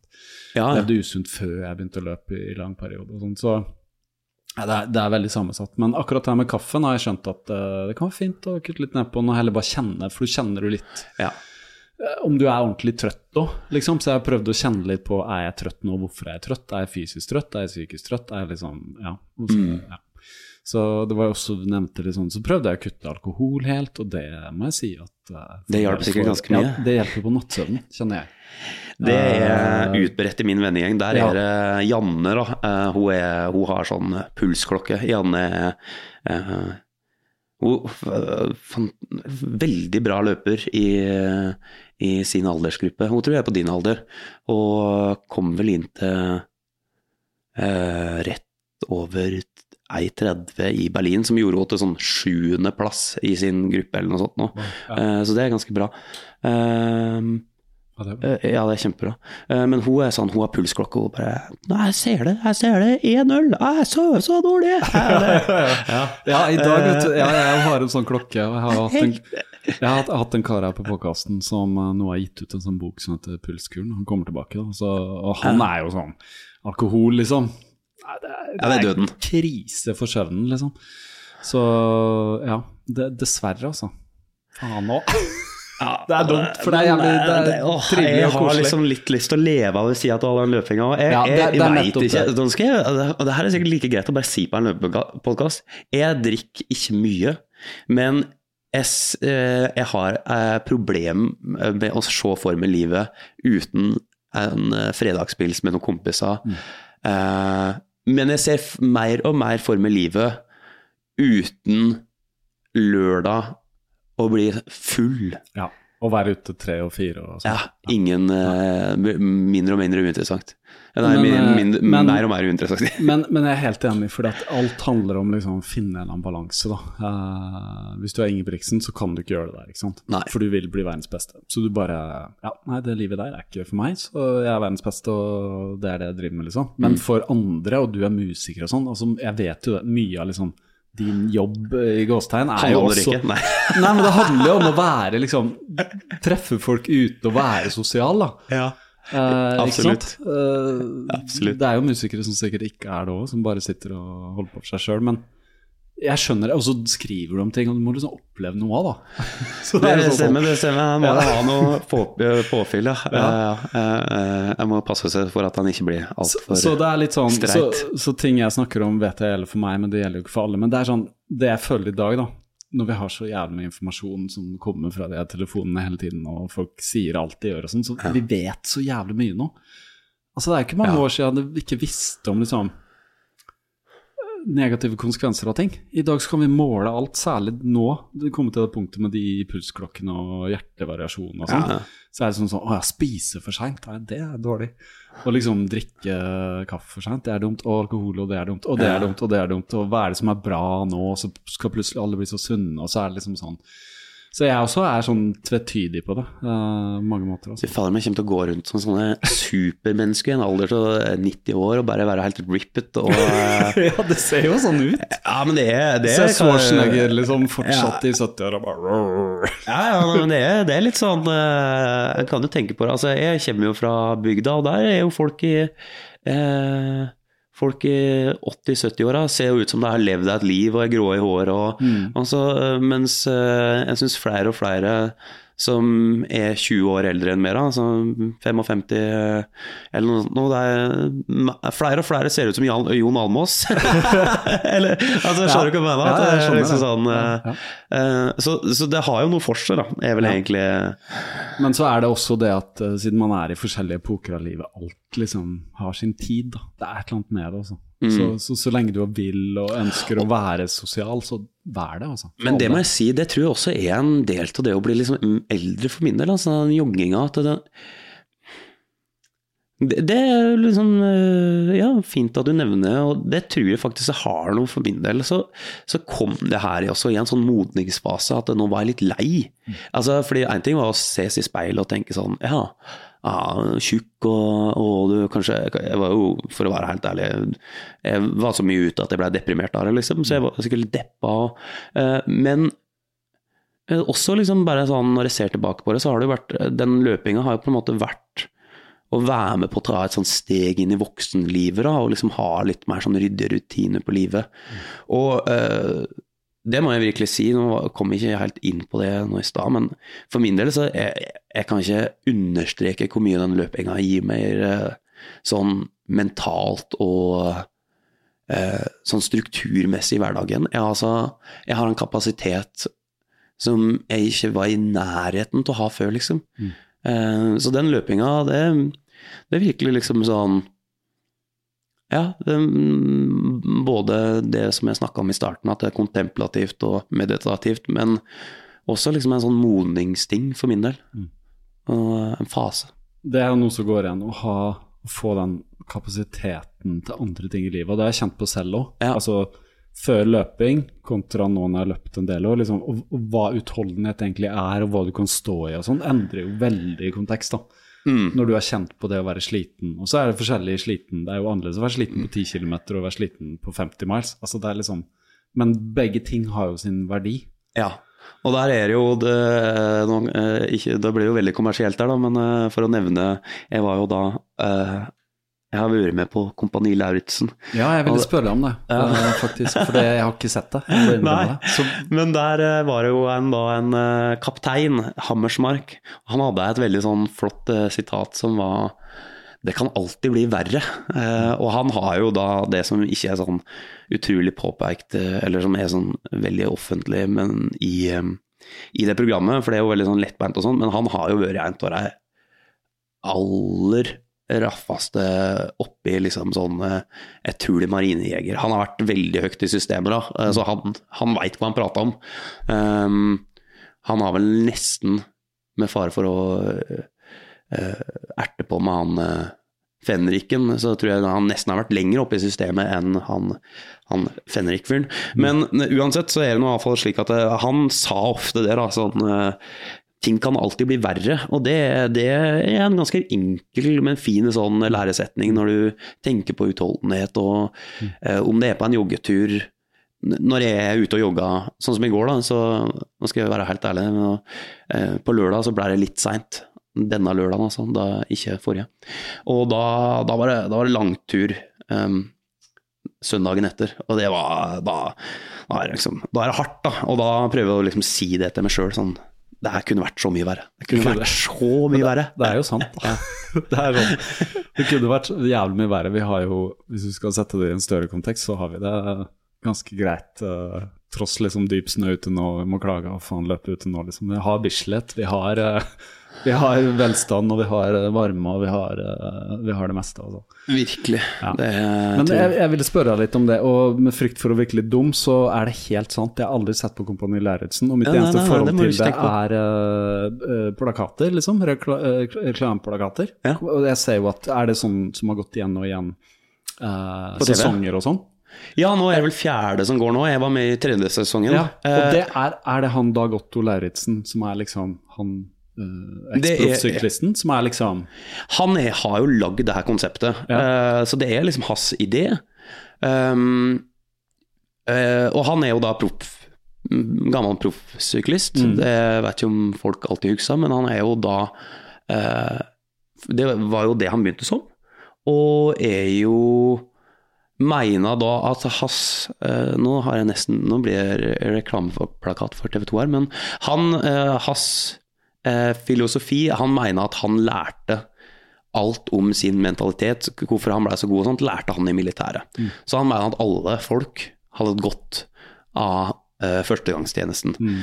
Og i utgangspunktet så tror jeg egentlig at han ville at dette programmet skulle være for eh, unge folk, at det faktisk skulle bare eh, Men så ble det vridd på i eh, i, eh, i telagningsfasen, og så var det noen smarte huer som fant ut at her må man ha kjendiser i- ja. Eh, Men nå har de faktisk fått lagd en sånn med unge, bare, altså der det er mer vanlige unge folk da, som er gjennom den.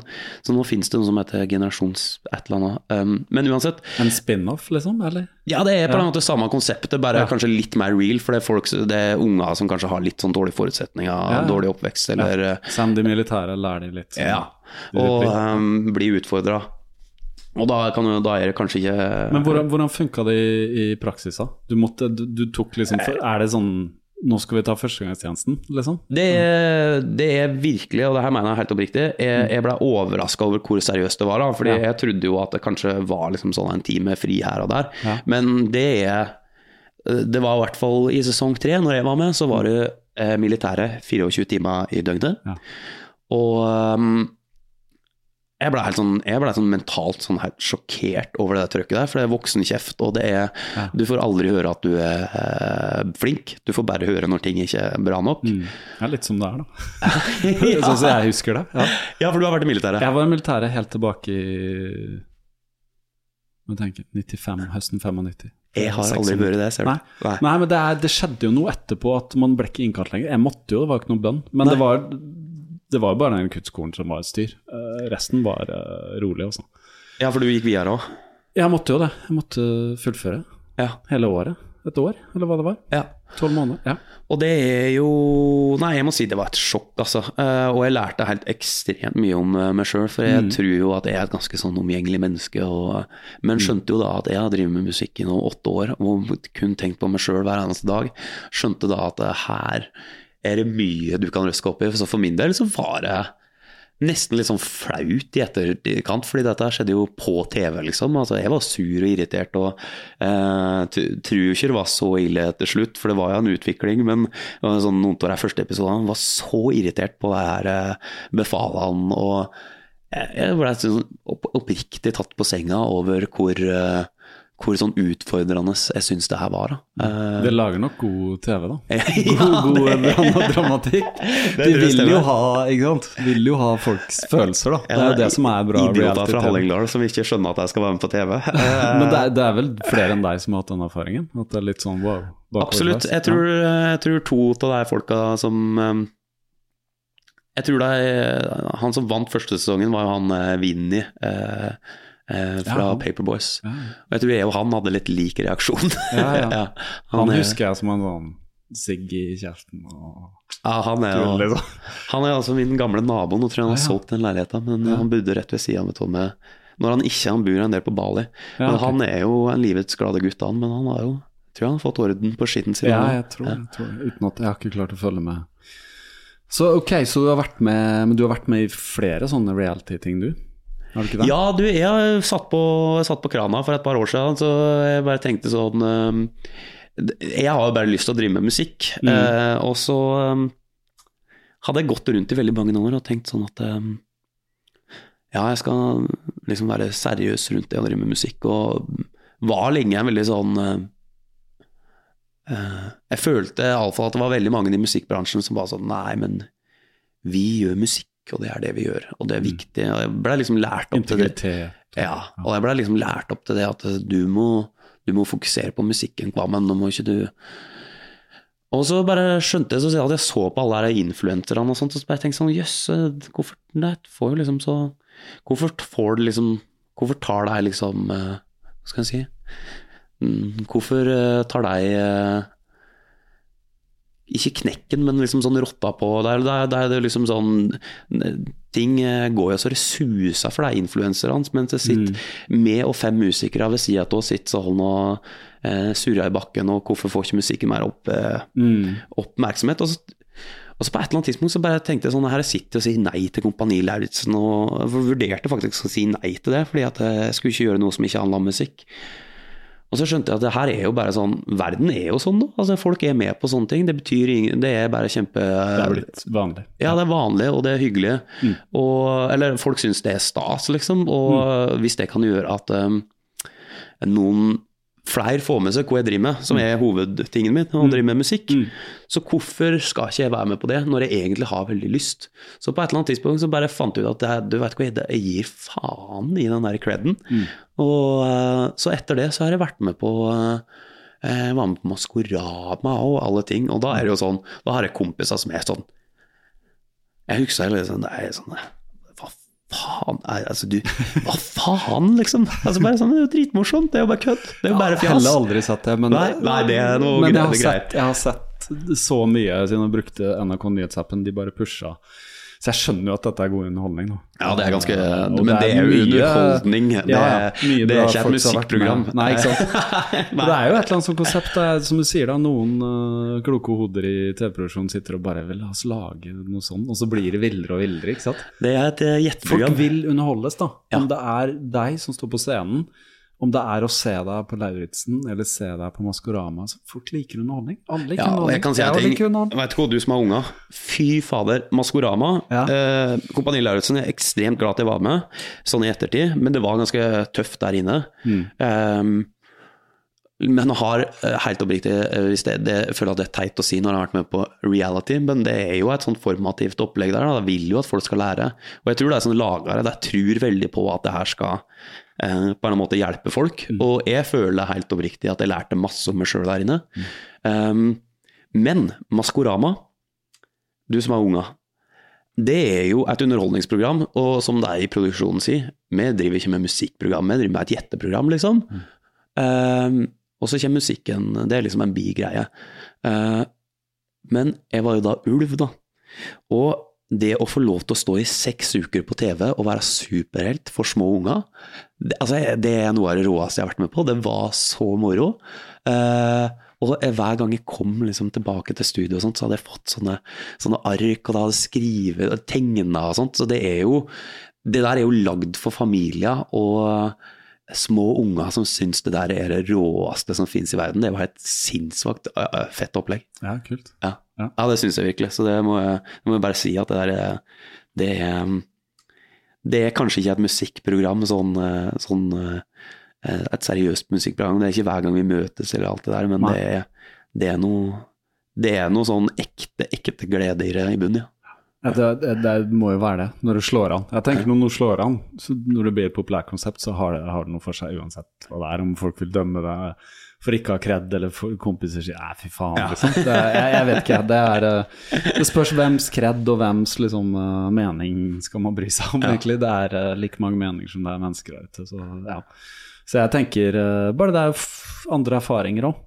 Herregud, Ja, ja, vi snakker om liksom, du er musiker, du, du lever av å være kreativ, liksom.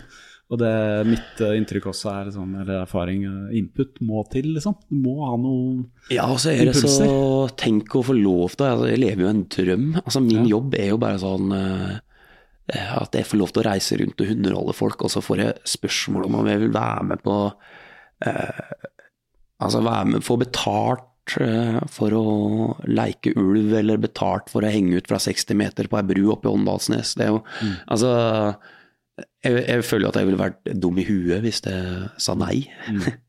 Men ja. Det, det er én ting som uh, vi ikke har snakka så mye om, musikk og sånn. Du sier at uh, Jeg kjenner liksom ikke så godt til din historie, men du sier at det gikk utrolig fort fra du uh, Ja.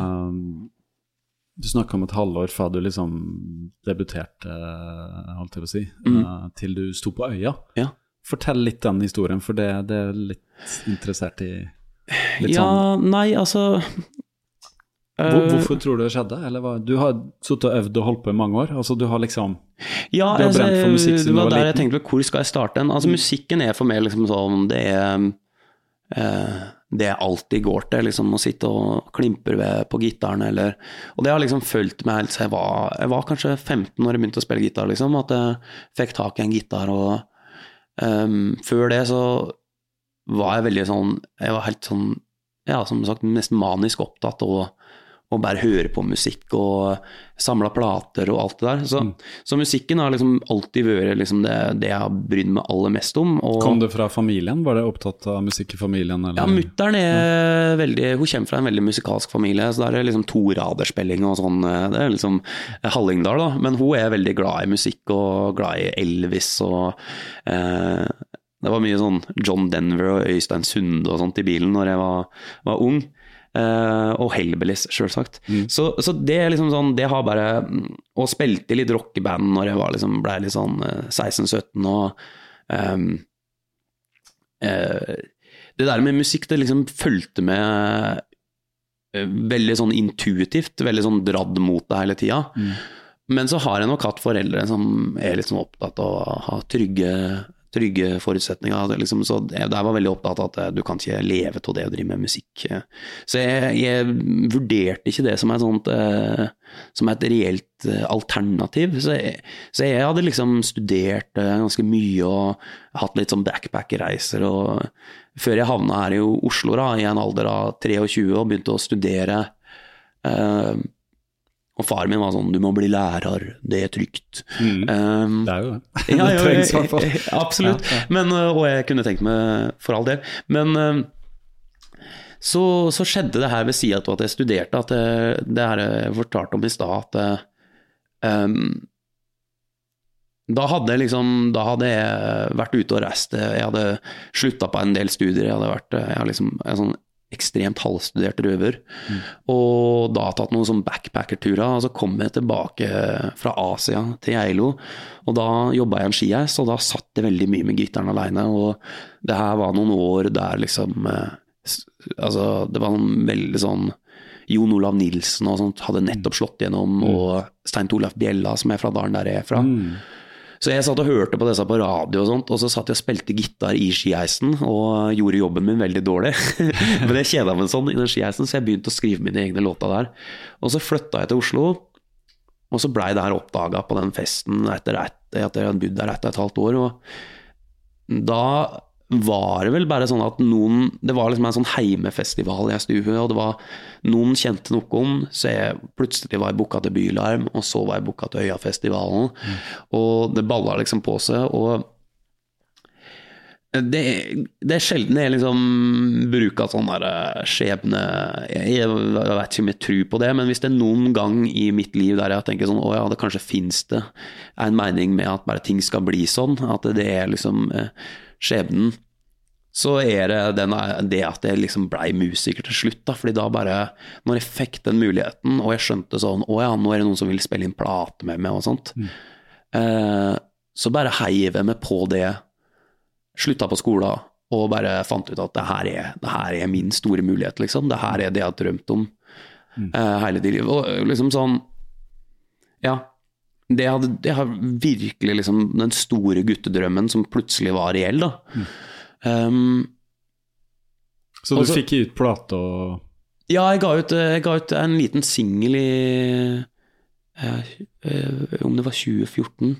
At det kom en sånn bitte liten singel, og den blei liksom hypa. Det var det jeg blei liksom booka på, på øya og sånt. Og så spilte jeg inn debutplata mi i løpet av 2014 og ga ut da en låt som heter Du fortjener en som er i 2015. Og da var det liksom det, det var mest spilt på radio det året, og det var liksom Det var ikke måte på det. Så det var jo en hit? det var en hit. Og uh, Den har jo på en måte dradd eh, Dradd lasset for min del, den låta. Jeg, jeg kaller det innimellom bare pengegaloppen, men, mm. men den er jo på en måte sånn Den, den, den ble liksom større enn meg, og så, og så eh, har jeg da i de åra etterpå hatt liksom bra drag. Det har liksom Jeg har spilt og spilt og spilt, og liksom stått i det at jeg skal være en sånn norsk artist som du treffer på alle typer scener. Så jeg spiller både med kassegitar og spiller med stort band, og, mm. og turnert nå Jeg tror det går på niende året nå til sommeren igjen, og for min del så er det sånn um, Det har liksom vært Jeg pleier å beskrive det som å liksom etter den debutplata kom i 2015, så har det litt som å være som å ta med et fly. Det rista og Men det liksom går, går, går oppover og liksom mm. Kanskje det detter litt, men så går det opp igjen. Og, og hele den prosessen med å liksom få lov til å være sanger, da, eller låtskriver eller musiker, eller hva en skal kalle det mm. um, Etter det her eh, helt utrolige tilfeldige skjedde, at det liksom folk begynte å bry seg om musikken min, så har jeg jobba liksom så hardt for at det skal bli sånn. Og um, føler jo liksom at det nå, ni år etterpå, at det kanskje Eller åtte år, jeg husker ikke hvor jeg. Så, så, så har det liksom eh, kanskje lønt seg, da, for jeg har stått så hardt i og liksom mm. Og nå begynner jeg å se tilbake på Jeg føler at nå kan jeg stå og holde en konsert med liksom en sånn helhetlig katalog med noen låter som jeg veit at er gode, sjøl om du ikke har mm. hørt dem før. Så, mm.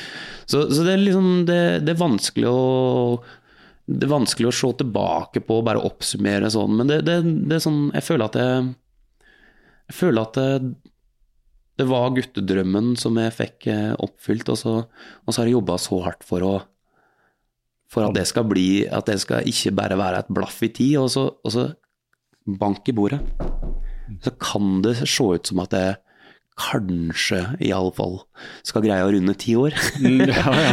så jeg veit ikke. Nei, det er bare Det, det er så, det, det, det er så sjukt at jeg får lov til å drive med det. Ja, det,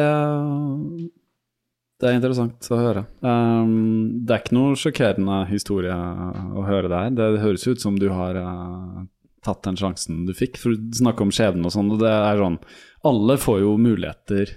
Uh, hvis man har ønska noe, liksom har i hvert fall en viss uh, Satt liksom uh, hva skal jeg si, kompasset eller uh, GPS-en en eller annen vei, så vil det dukke opp noen muligheter. Så, så litt sånn erfaring så vet jeg også, hvis, hvis du griper de og liksom slenger deg på. Det er litt sånn når toget går, da, så, så hiv deg på, liksom. Ikke stå igjen på perrongen og se at det bare gikk, liksom. Hvis du gjør greia di, så, så ja, Det er moro med den derre togalgorin, ja. uh, fordi jeg har ofte, ofte også, Det er liksom henvist til Eller fly, som du brukte. ja, men der, jeg har også henvist til toget, for det er litt sånn der, jeg føler at det var et gods, uh, godstog som gikk forbi, og så var ei, var ei vogn som var åpen, og det var bare ja, er, ja. Jeg, og jeg bare hang med på, hang etter. For jeg, jeg må jo også si det sånn at eh, Det var mange som slo gjennom samtidig som dere, sånn som f.eks. Justad og eh, Emilie Nicolas og det var mange som, Aurora var samme året som det. Ja, ja. Det var mange i det kullet, på en måte. Mm. Og der, der, følte jeg at flere, når jeg satt og prata med deg, så var de sånn Ja, men jeg begynte å jobbe for det her når jeg var Når jeg var ti år. Mm. Og hatt sånn tydelig plan. Og jeg hadde jo liksom på en måte kanskje ikke det, da, fordi jeg hadde fått beskjed om at det var en liksom dum karrierevei. Um, så innimellom så føler jeg meg liksom som the impossible artist. Har jeg ofte At det, det var kanskje ikke Jeg var ikke helt klar. Uh, så jeg var liksom vært en artist som har blitt forma underveis, da. Mm. Og uh, jeg liksom Du uh, På hvilke måter? Nei, jeg tror bare at det, veldig mye av det jeg har gitt ut, er ganske sånn varierende i form av uttrykk og sånt. Jeg har, mm, mm. jeg har iallfall vært veldig ærlig. Altså, nå vil jeg lage synthpop, og nå vil jeg lage Så det er jo mange som kanskje liksom sånn eh, Tenk sånn jøss, nå går han på et eller annet tidspunkt, så når jeg festa som Harda, så hadde jeg hvitt hår og drev med synt på sånn. Jeg har sett noen bilder. jeg har sett noen bilder. Og det er sånn du sa Ja, vet du hva, det jeg tenkte var sånn i forhold til de nye bildene dine, så tenkte jeg sånn For jeg så på noen bilder og sånn så veldig annerledes ut i ansiktet, men det var vel de 95 kiloene Det stemmer, ja. og, de, og det hvite håret, liksom. Men det er også sin periode, da. liksom. Ja, ja, ja. Alle har jo sett annerledes ut. tidspunkt. Virkelig. Ja. virkelig. Nei, så det er vanskelig Nå merker jeg at det er vanskelig for å oppsummere hvor, hvor alt det er musikken er, men musikken er liksom Det er Det er det eneste jeg egentlig bryr meg om. Mm. Og det er um, Det stopper aldri. Det er liksom eh, eh, Det derre det der å skape låter og skape stemninger og sånt, det, Og så liker du, du liker musikk, da. Altså, du liker å Jeg elsker musikk. Ja, ikke sant? Jeg elsker og det det er sånn jeg snakker om Sondre òg, liksom. Sondre elsker musikk. Ja, ja, ja. Han elsker musikk, liksom. Så jeg ser jo han er Burt Backrack og a-ha, det er ikke det det går i. Jo, men det er så mye òg, ikke sant. Ja. Og fyren hørte på liksom brasiliansk jazz. Han har utrolig obskure liksom Han Ja. er jo kjent som en sånn uh, David Underbarn, liksom, som bare var opptatt av Ja, han var veldig tidlig ute, ja. Veldig tidlig, ikke sant. Ja. Uh, men jeg tenker jo også med deg å bare være opptatt av sånn uh, Bowie og liksom Jeg husker ikke hvem du nevnte, men liksom bare være opptatt av Jeg kjenner igjen selv, for jeg er også veldig opptatt av musikk. Alltid vært det. Mm. Uh, Jeg er ikke musiker, men jeg skal fortelle deg fun fact. Jeg kjøpte gitar nå. Du gjorde det? Første gang i mitt liv. Da blir det sånn Og det eh, gjorde jeg fordi datteren min fikk en gitar nettopp av Sondre til bursdagen. Nei, Og nå tar hun sånn AKKS-kurs, vet du, hvor Ja. hun er lærer. Og så tenkte jeg også så skal jeg kjøpe en gitar, skal jeg også lære meg noen grep på noen Ja. så det driver jeg med nå. Plutselig så kommer det sånn derre Ja, litt sånn som Bjella, som kom på sånn plate når du var 40. Eller hvis du får deg en sånn, da får du en sånn 50-årsplate der det kommer sånne utrolig Nei, jeg, jeg tror det blir seinere. jeg tror det blir seinere for Sånne min utrolig eh, gjennomtenkte viser. Ja, ja. Nei, jeg aner ikke. Jeg bare syns det er gøy. jeg. Eh, jeg jeg tror det er et veldig godt utgangspunkt, da, hvis du er veldig opptatt av musikk. Så Mm. Jeg har tenkt mye på sånn Å ja, men hvorfor fikk jeg til, da? Og det er sånn Det er sikkert det samme med Sondre, men det er sånn referansebibliotek. Og jeg veit det, liksom. At det, det er ikke for å skryte, men jeg bare veit at jeg har hørt så mye musikk. At når jeg står i et studio, så kan jeg si til Preben, som jeg skriver masse med, da, for eksempel han er eh, Jeg skrev ikke mine første plater med han, men nå nylig så jeg prøver å skrive alt med han, for jeg vi har så fin Mm. eh, dynamikk. Men da kan jeg bare sånn begynne å beskrive et eller annet som jeg ikke kan det tekniske termene for. Og han kan liksom de termene og sånt, men jeg har bare sånn, jeg har sånn følelsesmessig Mm, Hør på det her, vi gjør det sånn, bla, bla. Og jeg tror jo det der, hvis du har masse musikk i huet Absolutt. Uh, men jeg, jeg, jeg vil ikke si at Jeg, jeg sitter jo ikke og sier det fordi at jeg tenker at uh, jeg skal lage noe musikk, men det er bare For meg så er det gøy, liksom. Jeg spilte også så vidt i bandene og sånn på ungdomsskolen, liksom. Så grunnleggende jeg spilte bass, da, men husker de der eh, A og E og grepa og sånn. Og nå var det sånn, og så ser jeg det finnes jo apper og sånn, da. Og de plutselig skal jo selge masse gitarkurs, så tenkte jeg sånn det, Jeg venter med det, men jeg bare, bare for eksempel liksom gjenoppdaga den Bob Dylan-plata 'Time Out of Mind', da. Nå. Den hører jeg ganske mye på for tida. Ja, fordi at han ga ut en sånn, du vet nå, en sånn uh, Ja, det kom bootleg-series. ja, ikke sant? Så det er Ja. andre versjoner og sånn. Så, Ja. så har jeg ikke hørt ordentlig på den den gang, for liksom oppdaga Dylan på 2000-tallet ordentlig og sånn.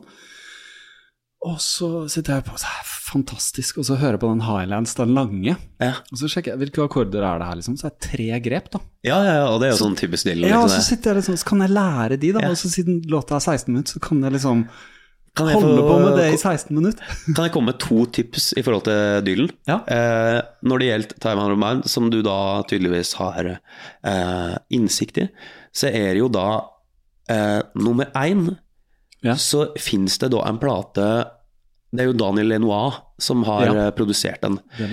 Eh, og uh, den plata Men han har gjort ei plate med han før, som er egentlig litt sånn underkjent, som jeg syns er jævlig bra på sitt beste, og det, den heter Oh Mercy, og er fra 1988, tror jeg. Så det er et veldig godt tips, Uh, hvis den vil høre. Men den er, den er, den er litt annerledes enn Time Out of Mine, men det er sånn underkjent Dylan-plate som jeg syns Altså, det fins en låt der som heter Everything Is Broken, som er bare helt fantastisk. Noe av det beste jeg har hørt av Dylan. Um, eller så skal jeg gi deg et tips. Not Dark Yet er jo på Time Out of. Ja.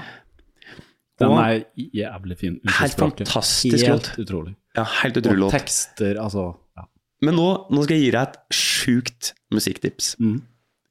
Og alle lytterne, Ja, og, ja, alle som hører på.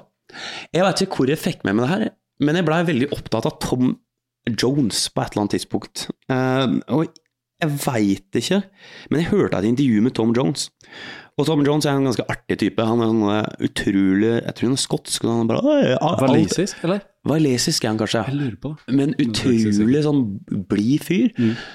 Og så er det da et ganske nylig intervju fra sånn 2021 eller 2022, jeg tror i hvert fall 2002-20-tallet. Der han sitter og prater om ja, vi ga ut plate i fjor, og det gikk så bra med den plata, og så nå gir vi ut noen ekstralåter. Og da bestemte vi oss for å gjøre en cover av Dylan. Altså, så ja, hva slags låt? Nei, vi har covra It's Not Dark Yet. Og da har Tom Jones en cover av It's Not Dark Yet, som er som en sånn rocka svensk indie-låt. Altså Det let som Les Big Birds, eller altså det let som en sånn Det let som en sånn skikkelig hipt indie-band. Og det er altså Det er ikke i nærheten av så følsomt som den eh, originalen til Dylan, men det er altså en så sinnssvakt fet cover. Så jeg vil bare anbefale alle å høre It's Not Dark Yet med Tom Jones. Ja. Som da Selv om de ikke har hørt Dylan sin.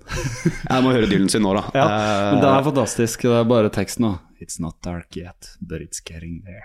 ja, altså Nei, det- han, jeg tror jeg skjønte Venta han på å dø? Det det? Du, vet du hva interessant du sier her, Daniel Lanois, sånn, for at uh, jeg måtte bare dra opp uh, Pitchfork, den nettsiden, Mm.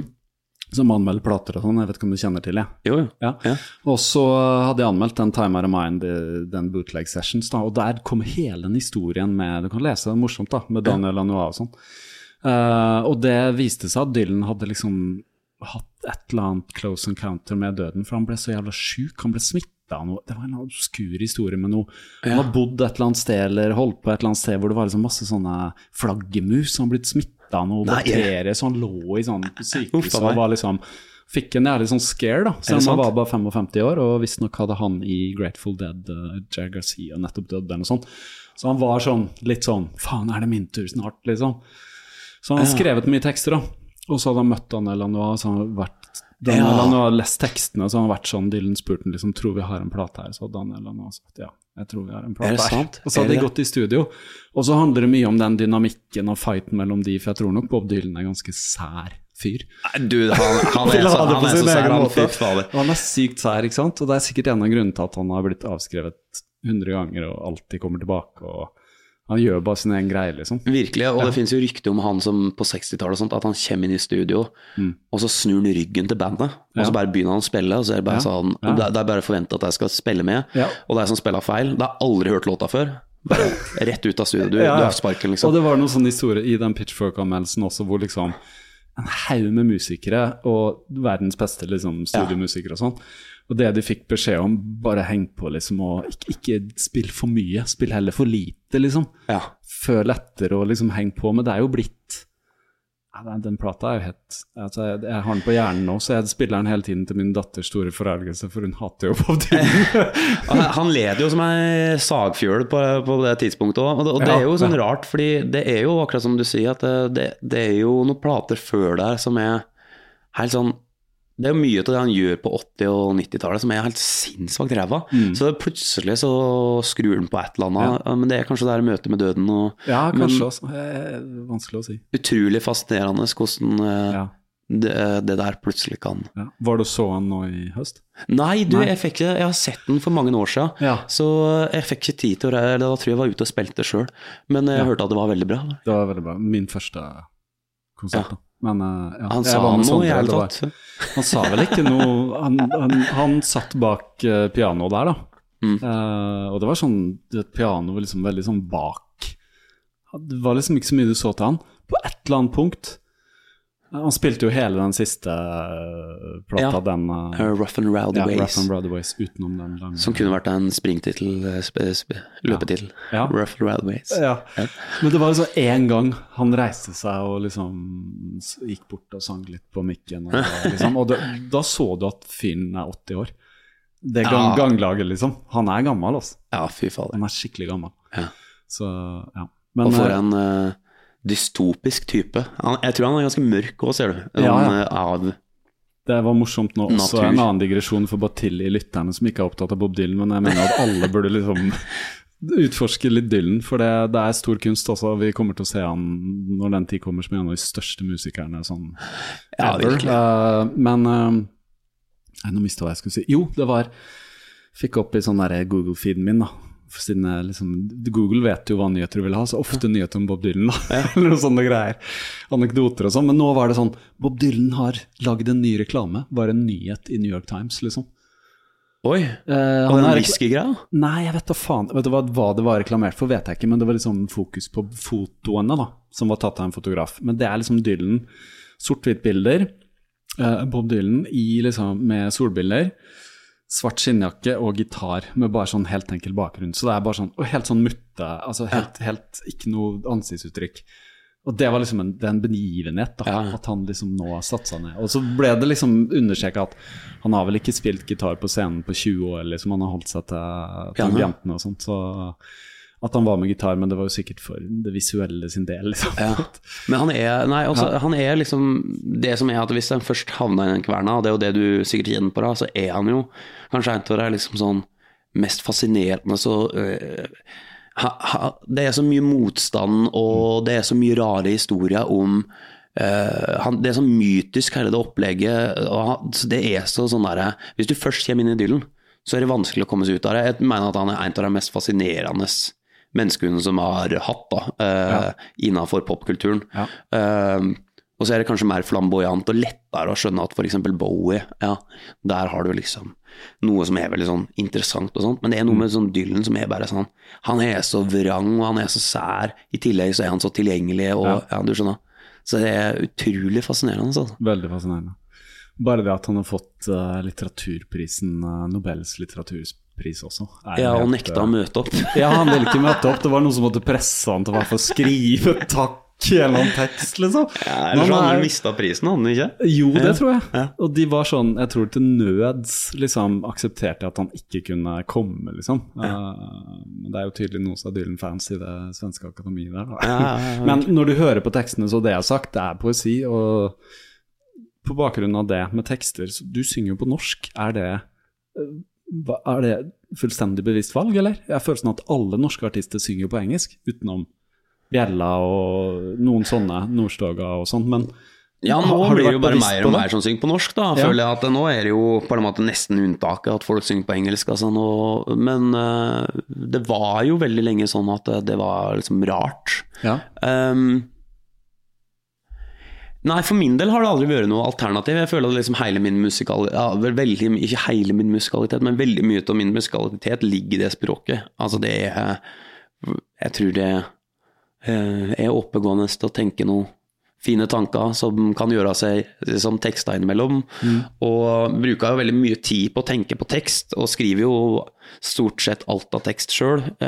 innimellom så kommer Preben med noe innspill hvis vi skriver sammen og sånt, men jeg har jo alltid skrevet alt sjøl. så jeg Nei, for min del har det liksom aldri vært noe alternativ, og det var vel, men som jeg var litt inne på, altså når jeg starta, så var det en sånn bølge med bjella, og det var en sånn ny nynorsk, eh, ikke som i nynorsk, men altså en eh, norsk ny bølge, Ja, ja. med norske sangere, som jeg lot meg veldig inspirere av, og da var det tre Jeg husker at Jon Olav Nilsen var liksom noe av det største som skjedde. Jeg var relativt glad i det, men det var ikke liksom min store og så hadde du Bjella, som jeg synes var Han kommer jo fra der jeg er fra, så det var liksom sånn slag i magen. Fordi jeg hadde liksom bare hørt Hellbillies og tenkt at alt måtte være sånn romantisk og pent. Eh, så kom Bjella og var bare sånn mørk og følsom. Og Bob Hund da, hadde jo drevet på lenge Ja, fra 90-tallet, men jeg, ja. det, det jeg også huska gjorde helt sånn enormt inntrykk. Og sær svensk dialekt. liksom. Ja, Sånn kjempesær Ja. og merkelige vendinger. Og jeg var sånn når jeg var ung, nå er jeg blitt veldig glad i Hellbillies, jeg elska Hellbillies, men når jeg var ung, så var det egentlig Lars Lillo, star, ja. De Lillos. Så jeg har alltid vært litt sånn glad i litt sånn rare menn som uh, uttrykker følelser på en litt sånn quirky måte. Uh, favorittsangeren min sånn, i sånne internasjonale band er kanskje David Byrne fra Talking Heads. Så. Ja. Men eh, nei, det, det, det bare blei sånn, og det var liksom bare sånn eh, litt tilfeldig at jeg begynte å uttrykke meg sånn Jeg hadde spilt i punkband og eh, rockeband og synge, skrive på engelsk for han som sang der, da. Det var en annen som sang, men um, bare følte at der fant jeg en måte øh, Når jeg var, var vel 23 eller noe sånt, når jeg begynte å teste det her. og fant liksom et språk, og det har liksom aldri vært noe alternativ å se tilbake. Det, mm, fordi jeg, det, er, det, er, det er så mye av det jeg er i musikken som handler om det språket.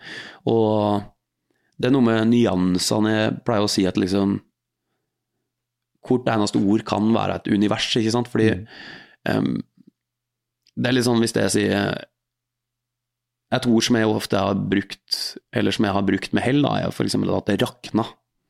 Det er bare et, bare et random eksempel. Men for, for det som er norsk, så har det masse sånn følelser, for du veit det rakner. Det betyr noe liksom, nesten litt sånn eksplosivt. Det er ikke bare broken. Det, det, men med en gang vi sier broken, så er det ordet kjempelite.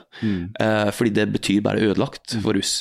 Men rakne, det veit jeg og du at eh, eh, innafor den kulturen vi er oppvokst i, så veit vi at det ordet det har en pondus, det betyr ganske mye, sjøl om det bare betyr én ting, hvis du skjønner. Og alt det der blir vekke hvis dere skal begynne å uttrykke Du får noen bilder, eller en følelse av ja, det er en følelse som Ja. kommer med ordet, og det er akkurat som at eh, du kunne bare hoppa inn i ordet, og så kunne du Mm. Hvis du ser sånne der, eh, hvis du ser sånne sci-fi-filmer der Mm. eh, Dr. Strange hoppa inn i the multiverse, så kan du tenke på at ord er sånn at eh, der Mm. inne fins det utrolig masse assosiasjoner. Da. At når jeg sier rakne, så betyr det noe annet for det enn for meg, men vi forstår en felles forståelse står og alt det der. Og det blir vekke, eh, og det tror jeg har vært bevisst på helt siden jeg begynte å synge på norsk, at eh, eh, når, når jeg der, der har jeg et verktøy som jeg mestra så godt at noe annet ville vært helt spinnvilt. Ja. Ja. Ja. ja, det er en veldig god forklaring. Ja. Jeg tenker jo ja, nei, det er det, det er det. Fordi jeg personlig hører ikke på så veldig mye norsk musikk, og har ikke forhold til Hellbillies og sånn som du har. Jeg bare vet at de er kjempepopulær. Ja. eh, liksom. Jeg vet, vet at det er Jeg føler at det fins Kanskje litt sånn kontekst, men jeg, jeg uh, som bor her nede i Oslo på Grünerløkka, Ja. sånn, er ikke så stor del av det Norge som jeg vet egentlig er kjempestort Ja, ja. hvor folk liker å høre norsk musikk, og det bringer de nærmere noe enn f.eks. Dylan. Da. For Dylan kan synge om ting som jeg syns er spennende etter hvert som blir eldre og sånn, og at han liksom ikke sant? Absolutt. Leonard Cohen og ikke sant? sånne ting. Men jeg skjønner også veldig godt at liksom det du kan skrive om, eller Hellbillies, er sånne ting som jeg tror man, man kan assosiere seg med, og trenger det i musikken òg. Absolutt. Og bare sånne ord, eller sånn, ikke sant, at du kan skrive om noe som er helt hverdagslig, eller noen kan skrive om noe helt hverdagslig på norsk, så føles det mer betydningsfullt i ens eget liv, kanskje. Sånn. Virkelig. Det er kanskje og- bare en, en Ja, nei, tolkning av det. det. og jeg, tror jeg at um, hvis du nå ser på ganske mye sånn unge norske artister, da, så er det jo sånn eksempel Jeg vet ikke om du følger med på sånn Ramón og uh, hvem andre? Ja, eh, Ramón har jo hatt noen, noen sånne megahits, da. Ja. Um, og er jo en Han det er mulig at jeg er helt ute å kjøre, men jeg tror han er fra sånn Grorud eller Stovner eller et eller annet sånt. Ja. ikke sant?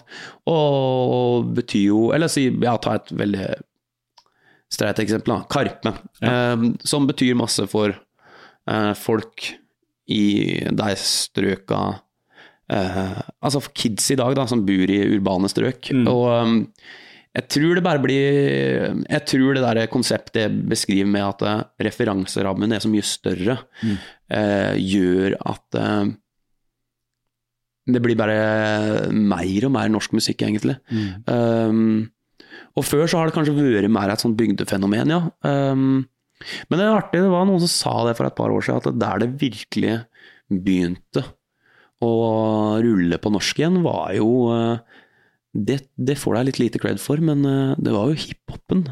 At egentlig det var- Jan Eggum og gitarkameratene liksom, på hele 80- og 90-tallet, og så 70. Og så er det ikke før liksom sånn rapperne på tidlig 2000-tallet starta å rappe på norsk. Mm. Og da begynner det å spre seg inn i popmusikken igjen. Mm. Så det er jo mye sånn Johnny De Onkel som på en måte kanskje var mest sånn ut av, ja, ut av litt eksperimentell og liksom, ja, urbane. Jeg vet ikke. Ja, men sånn Johnny Onkel P og Ja, ja, eh, Karpe og alle de tinga der, Ja. liksom. Men det er veldig kult at du snakker om musikk. Det kan man jo bare sitte og holde på og holde på. Holde på. Uh, det er morsomt å nevne Unstad-brødrene. De var her, vet du. Ikke her, men de var på podkasten. Ja. Begge to. Hvordan er er deg altså nå? Er det, Nei, det, jeg har ikke fulgt med i det siste. Uh, de er jo sånn foreldre og sånn. Uh, Men er det under ei 15 de har gått Altså, jeg mener jo at de er Ja, de har i hvert fall løpt maraton på 2.30-2.40. Oi, det er såpass, De gutta der, altså. Jeg tror det. Ja. Nei, fordi det må jeg hvis jeg skal avslutte med noe Jeg prøver jo, jeg treffer jo Sondre. Jeg så eh, Sondre noe senest på fredag. Ja. Eh, da bare eh, på lokal pub. Nei, altså jeg prøver jo da, og det har jeg sagt direkte til Sondre òg, men altså jeg prøver jo da å få i gang noe sånn, eh, sånn eh, Og jeg har prøvd å ymte litt frampå, til og med i det lange løpet, og liksom Og nå har jeg sagt det direkte til Sondre, jeg prøver å få til sånn eh, Oasis Blur, eh, sånn vennskapelig fight om hvem som skal være Norges raskeste artist. Ja, ja, ja. Men jeg tror ikke Sondre har det i seg. Altså, han, er for, han, er for, eh, han er for snill. Han er litt snill. Han vil ikke love noe Han vet hva det koster, vet du. Ja. Han gjør det. Han ser uh... Ja. Han minner meg om deg, da. En fyr som jobber steinhardt, bare er i det, liksom. Ja. Bare skjønner at uh, her er det bare å gønne på med det som trengs. Så jeg ser jo at det er en fulltids uh, Nå har jeg ikke sett han, jeg tror ikke jeg har sett han i hele år. Uh, men han kjører på, han. Nå Ja. er det jo musical og en og andre. Ja, det, det, det ser jeg. Det Ja, ser jeg. så- Men nei, det var noe avfall uansett bare at da kanskje, kanskje jeg skal prøve å Men hvis deg allerede er liksom ned på 2,30 på maraton Jeg, jeg lurer på om han Å. Petter Unstad er den Ja, 2,30 Jeg skal ikke si det. Da kan det bli vanskelig, for å Ja, si det sånn. ja. 2,30, hva er det på Men du må liksom si Norges raskeste singer-songwriter med, Man begynner å bli veldig med smart, solo. da. Du kan jo lage mange sånne egne kategorier hvis du har lyst til å være best eh, i en eller annen kategori. Men, eh, men seriøst, da. eh, maraton. Det må bli et maraton, eller? Ja, det må kanskje det. Jeg veit Altså, jeg har liksom Jo, ja. Ja. Eh, men jeg har så lyst til å gjøre det ordentlig hvis jeg skal gjøre det. Så Ja. nå helte grunnfarten veldig oppe. Ja. Eh, og så må jeg nesten bare få satt et løp. Men eh, jeg trodde jeg måtte ned mot 2,40. Ja. Eh, hvis det skulle, men hvis det er ned mot 2,30 ah, Det hadde vært moro. Ja. Nei, jeg veit ikke hvor jeg må springe på og sånt, men jeg, det, jeg, det må nok kanskje liksom på en eller annen måte Det må nok på en eller annen måte kanskje bli det til slutt, ja. Det er kanskje litt for dumt å gi seg før en har Ikke hadde jeg tenkt på å gi meg med å springe, altså, men eh, det er kanskje for dumt å ikke gjennomføre. Ja, det er noe, det, altså, jeg vil jo anbefale å, å prøve å løpe et maraton, da. Og så Ja. er det det der første gang det er, altså Noen nailer det sikkert på første også, men det er jo litt vanskelig å vite hva du går til. Selv om du har løpt langturer på 30 pluss og sånn, fordi det er jo en helt egen Du løper jo på den grensa hvor du skal holde akkurat inn, liksom. Absolutt. Og hvis du pusher litt for hardt eller har en røff dag, sånn, det er jo plenty med løpere, særlig menn, eh, som, eh, det, ja. som eh, ikke banker også, men de løper med positiv split, som det heter. Eh, er det ikke det? Positiv split når du løper saktere andre halvdel. Ja, det, Det er jo plenty med menn som går hardt ut og satser på at det holder, og så gjør det ikke det. Så, Det er jo veldig vanlig. Ja, ja det er veldig vanlig. Men, eh, det, det skjønner jeg, for man må jo gå offensivt ut. Men hva er det jeg sier da? Altså, det er, det er halvmaratonfart pluss ti minutter, er det det som er Ja, det er litt sånn grov Ja, det er det. Så, da er vi på 2.17, da er det to To- 2.34 er 1.17 dobla, ikke sant? Så det er 2.44, da. Ja. Ja. ja. Ikke så verst, det. Ikke så verst det. Du, fall, du kan jo en gang prøve uten for mye trening å løpe maraton mot tre timer, da. Så kjenner du litt på hvordan det er.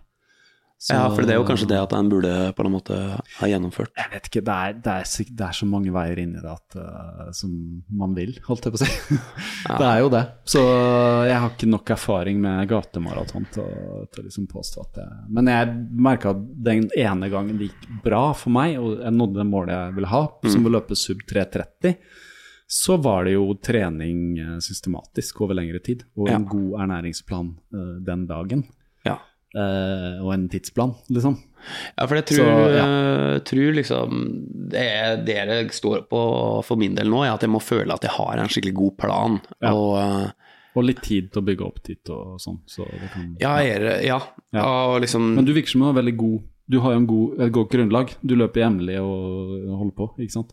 80-90 i uka og sånn. Det er veldig bra utgangspunkt.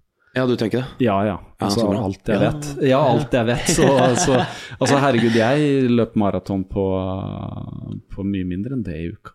Så jeg må se var en bil som mista styringa her ute. Det er bare for kontekst, da. Det snør. Og det snør, og det snør. Og det er ny vinter her i Oslo. Nå kan vi bare si det at han står og spinner rundt seg sjøl. Ja, ja, han kommer ikke for meg. så, Er det, det er et uh, bilde på livet. I bane rundt uh, Hva er det du pleier å si om podkasten? jeg pleier å si bane rundt livet med løping. Ja.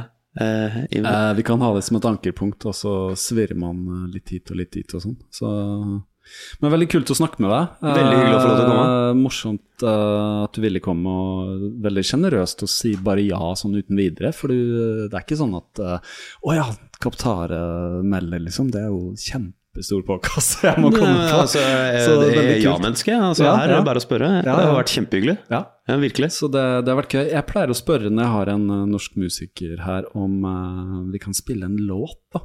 Ja. Sånn uh, Jeg har jo Sondre signatur-gitarspill sånn på slutten, men uh, har jo hatt hans musikk og Kråkesølv og, og Hjerteslag og greier og greier. Um, så hvis du kan gi meg en låt som jeg kan legge inn på Du, da, da, hvilken, da skal jeg komme med, da skal jeg, Ja. komme med jeg, har, jeg har faktisk en idé til en løpelåt jeg skal skrive, men den er så god, den eh, ideen, at jeg kan ikke si. Nei, men det nærmeste jeg kommer eh, noe som fungerer til løping, er en låt som heter Den tyngste turen.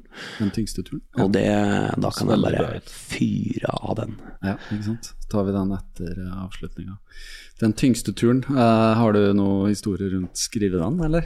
Ja, nei, men det er litt det der jeg var inne på i stad. Det var, det var der når han liksom kjente på at faen, nå har han dratt det litt for langt, og um,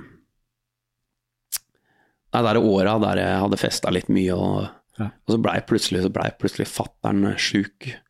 Uh, jeg trodde at han var veldig dårlig, men det, det gikk bra, da.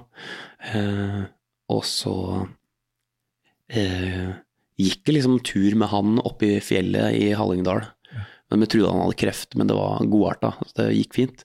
Men uh, da gikk vi liksom tur oppe der, og, og da husker jeg at jeg tenkte på at eh, herregud, sånn det, det, Nå har jeg liksom Nå har jeg bare brydd meg om alt det derre flåset nede i Oslo, og det er det som er viktig i hele tatt. Det har jeg ikke brydd meg om i det hele tatt. Og så gikk jeg rundt der, og da hadde jeg en liksom sånn der Tenkte på det at denne, Da gikk vi jo liksom fysisk en sånn ganske tung tur, og så tenkte jeg at det, det er jo noe sånn veldig sånn Og det, det kjenner en jo igjen fra løpinga, at liksom At det der å tømme seg helt for For eh, For energi. At den, så det, linja er den tyngste turen kan bli den fineste du får. Og da tenkte jeg var noe sånn enormt sånn fint i at det der å liksom bare tømme seg for Å liksom gå helt i kjelleren kan være starten på noe nytt. Da. Eh, Og noe, noe som skal få gro. Det er veldig bra. Det er en bra avslutning. Tusen takk, Daniel. Takk. Da har denne episoden kommet helt til siste slutt. Du får eh, høre nå eh, Den tyngste turen med Daniel, som du fikk litt kontekst for. En veldig bra låt som det er gøy å spille. Og så må jeg bare si tusen takk til alle som lytter og deler podkasten, og til og med til dere som skriver en anmeldelse på Spotify eller på Apple Podcast, noe som gjør den synlig. Det er selvfølgelig viktig. Og eh, hvis du har lyst til å bli eh, støttespiller, så er det mulighet for å bli Patrion av podkasten på patreon.com skråstrek kaptarepodkast. Der finner du andre episoder og videoer og sånne ting, med blant annet Daniel, som du hørte nå. Eh, Du får også mulighet til å få 15% rabatt på startplassen på Kaptarmesterskapet, som jeg nevnte, og også rabatter på produkter fra Fuel of Norway. Det ligger eh, koder der inne, som det er bare å bruke ved bestilling. Eh, og så må jeg bare si at tusen takk for eh, alle som har skrevet inn og kommet med forslag og sånn. Daniel var en av de som flere hadde lyst til å høre, eh, og det er veldig gøy. Når noen har eh, gjester som de har lyst til å høre igjen i en ny kontekst. Selv om man har hørt i en annen podkast før, så er det alltid noe nytt å høre et annet intervju eller en annen samtale, som det her mer var. Så det er veldig gøy. Det er bare å fortsette å skrive på kaptarepodkast at gmail.com hvis dere har eh, tips eller ønsker eller noe som helst. Så atter en gang, tusen takk til dere lytterne. Det er dere som er en stor del av denne podkasten. Så her eh, kommer Daniel, og så får dere bare ha en fantastisk flott dag videre, om dere løper eller går eller står eller hva dere gjør.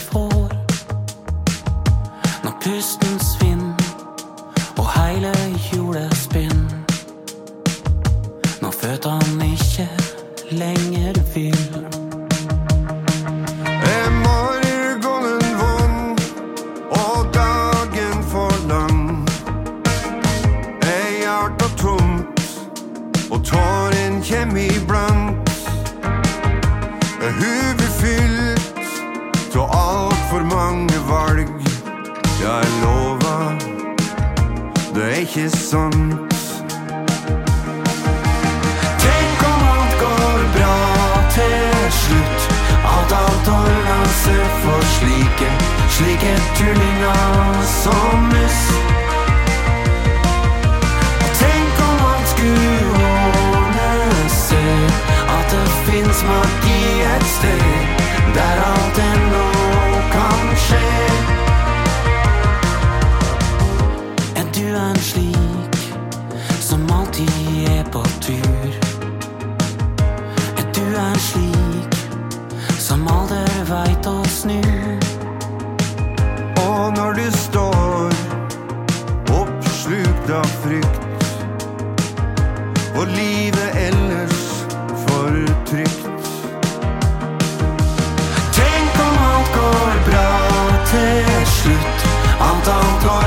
interesse for slike, slike tullinger som oss.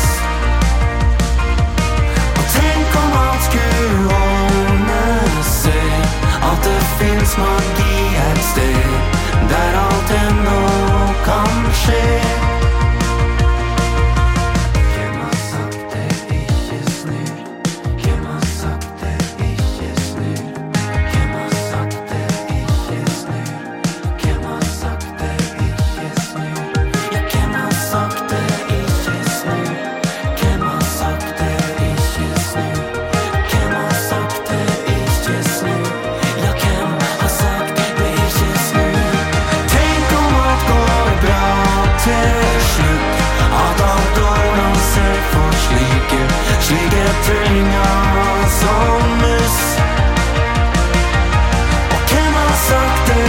say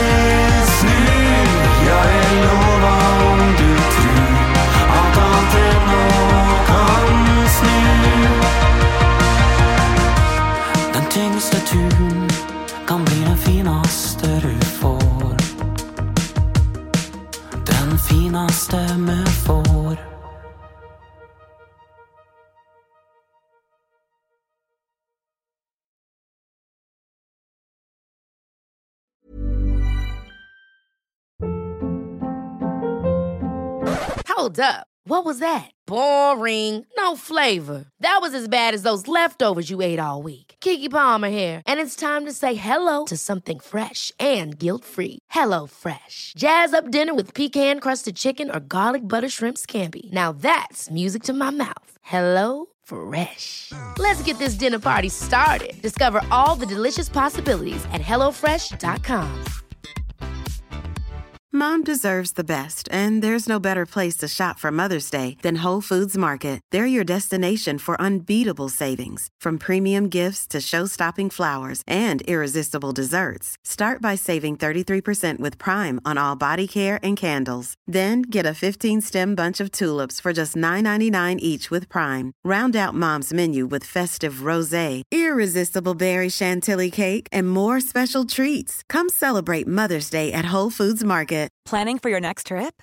Elevate your travel style with Quince. Quince has all the jet setting essentials you'll want for your next getaway, like European linen, premium luggage options, buttery soft Italian leather bags, and so much more.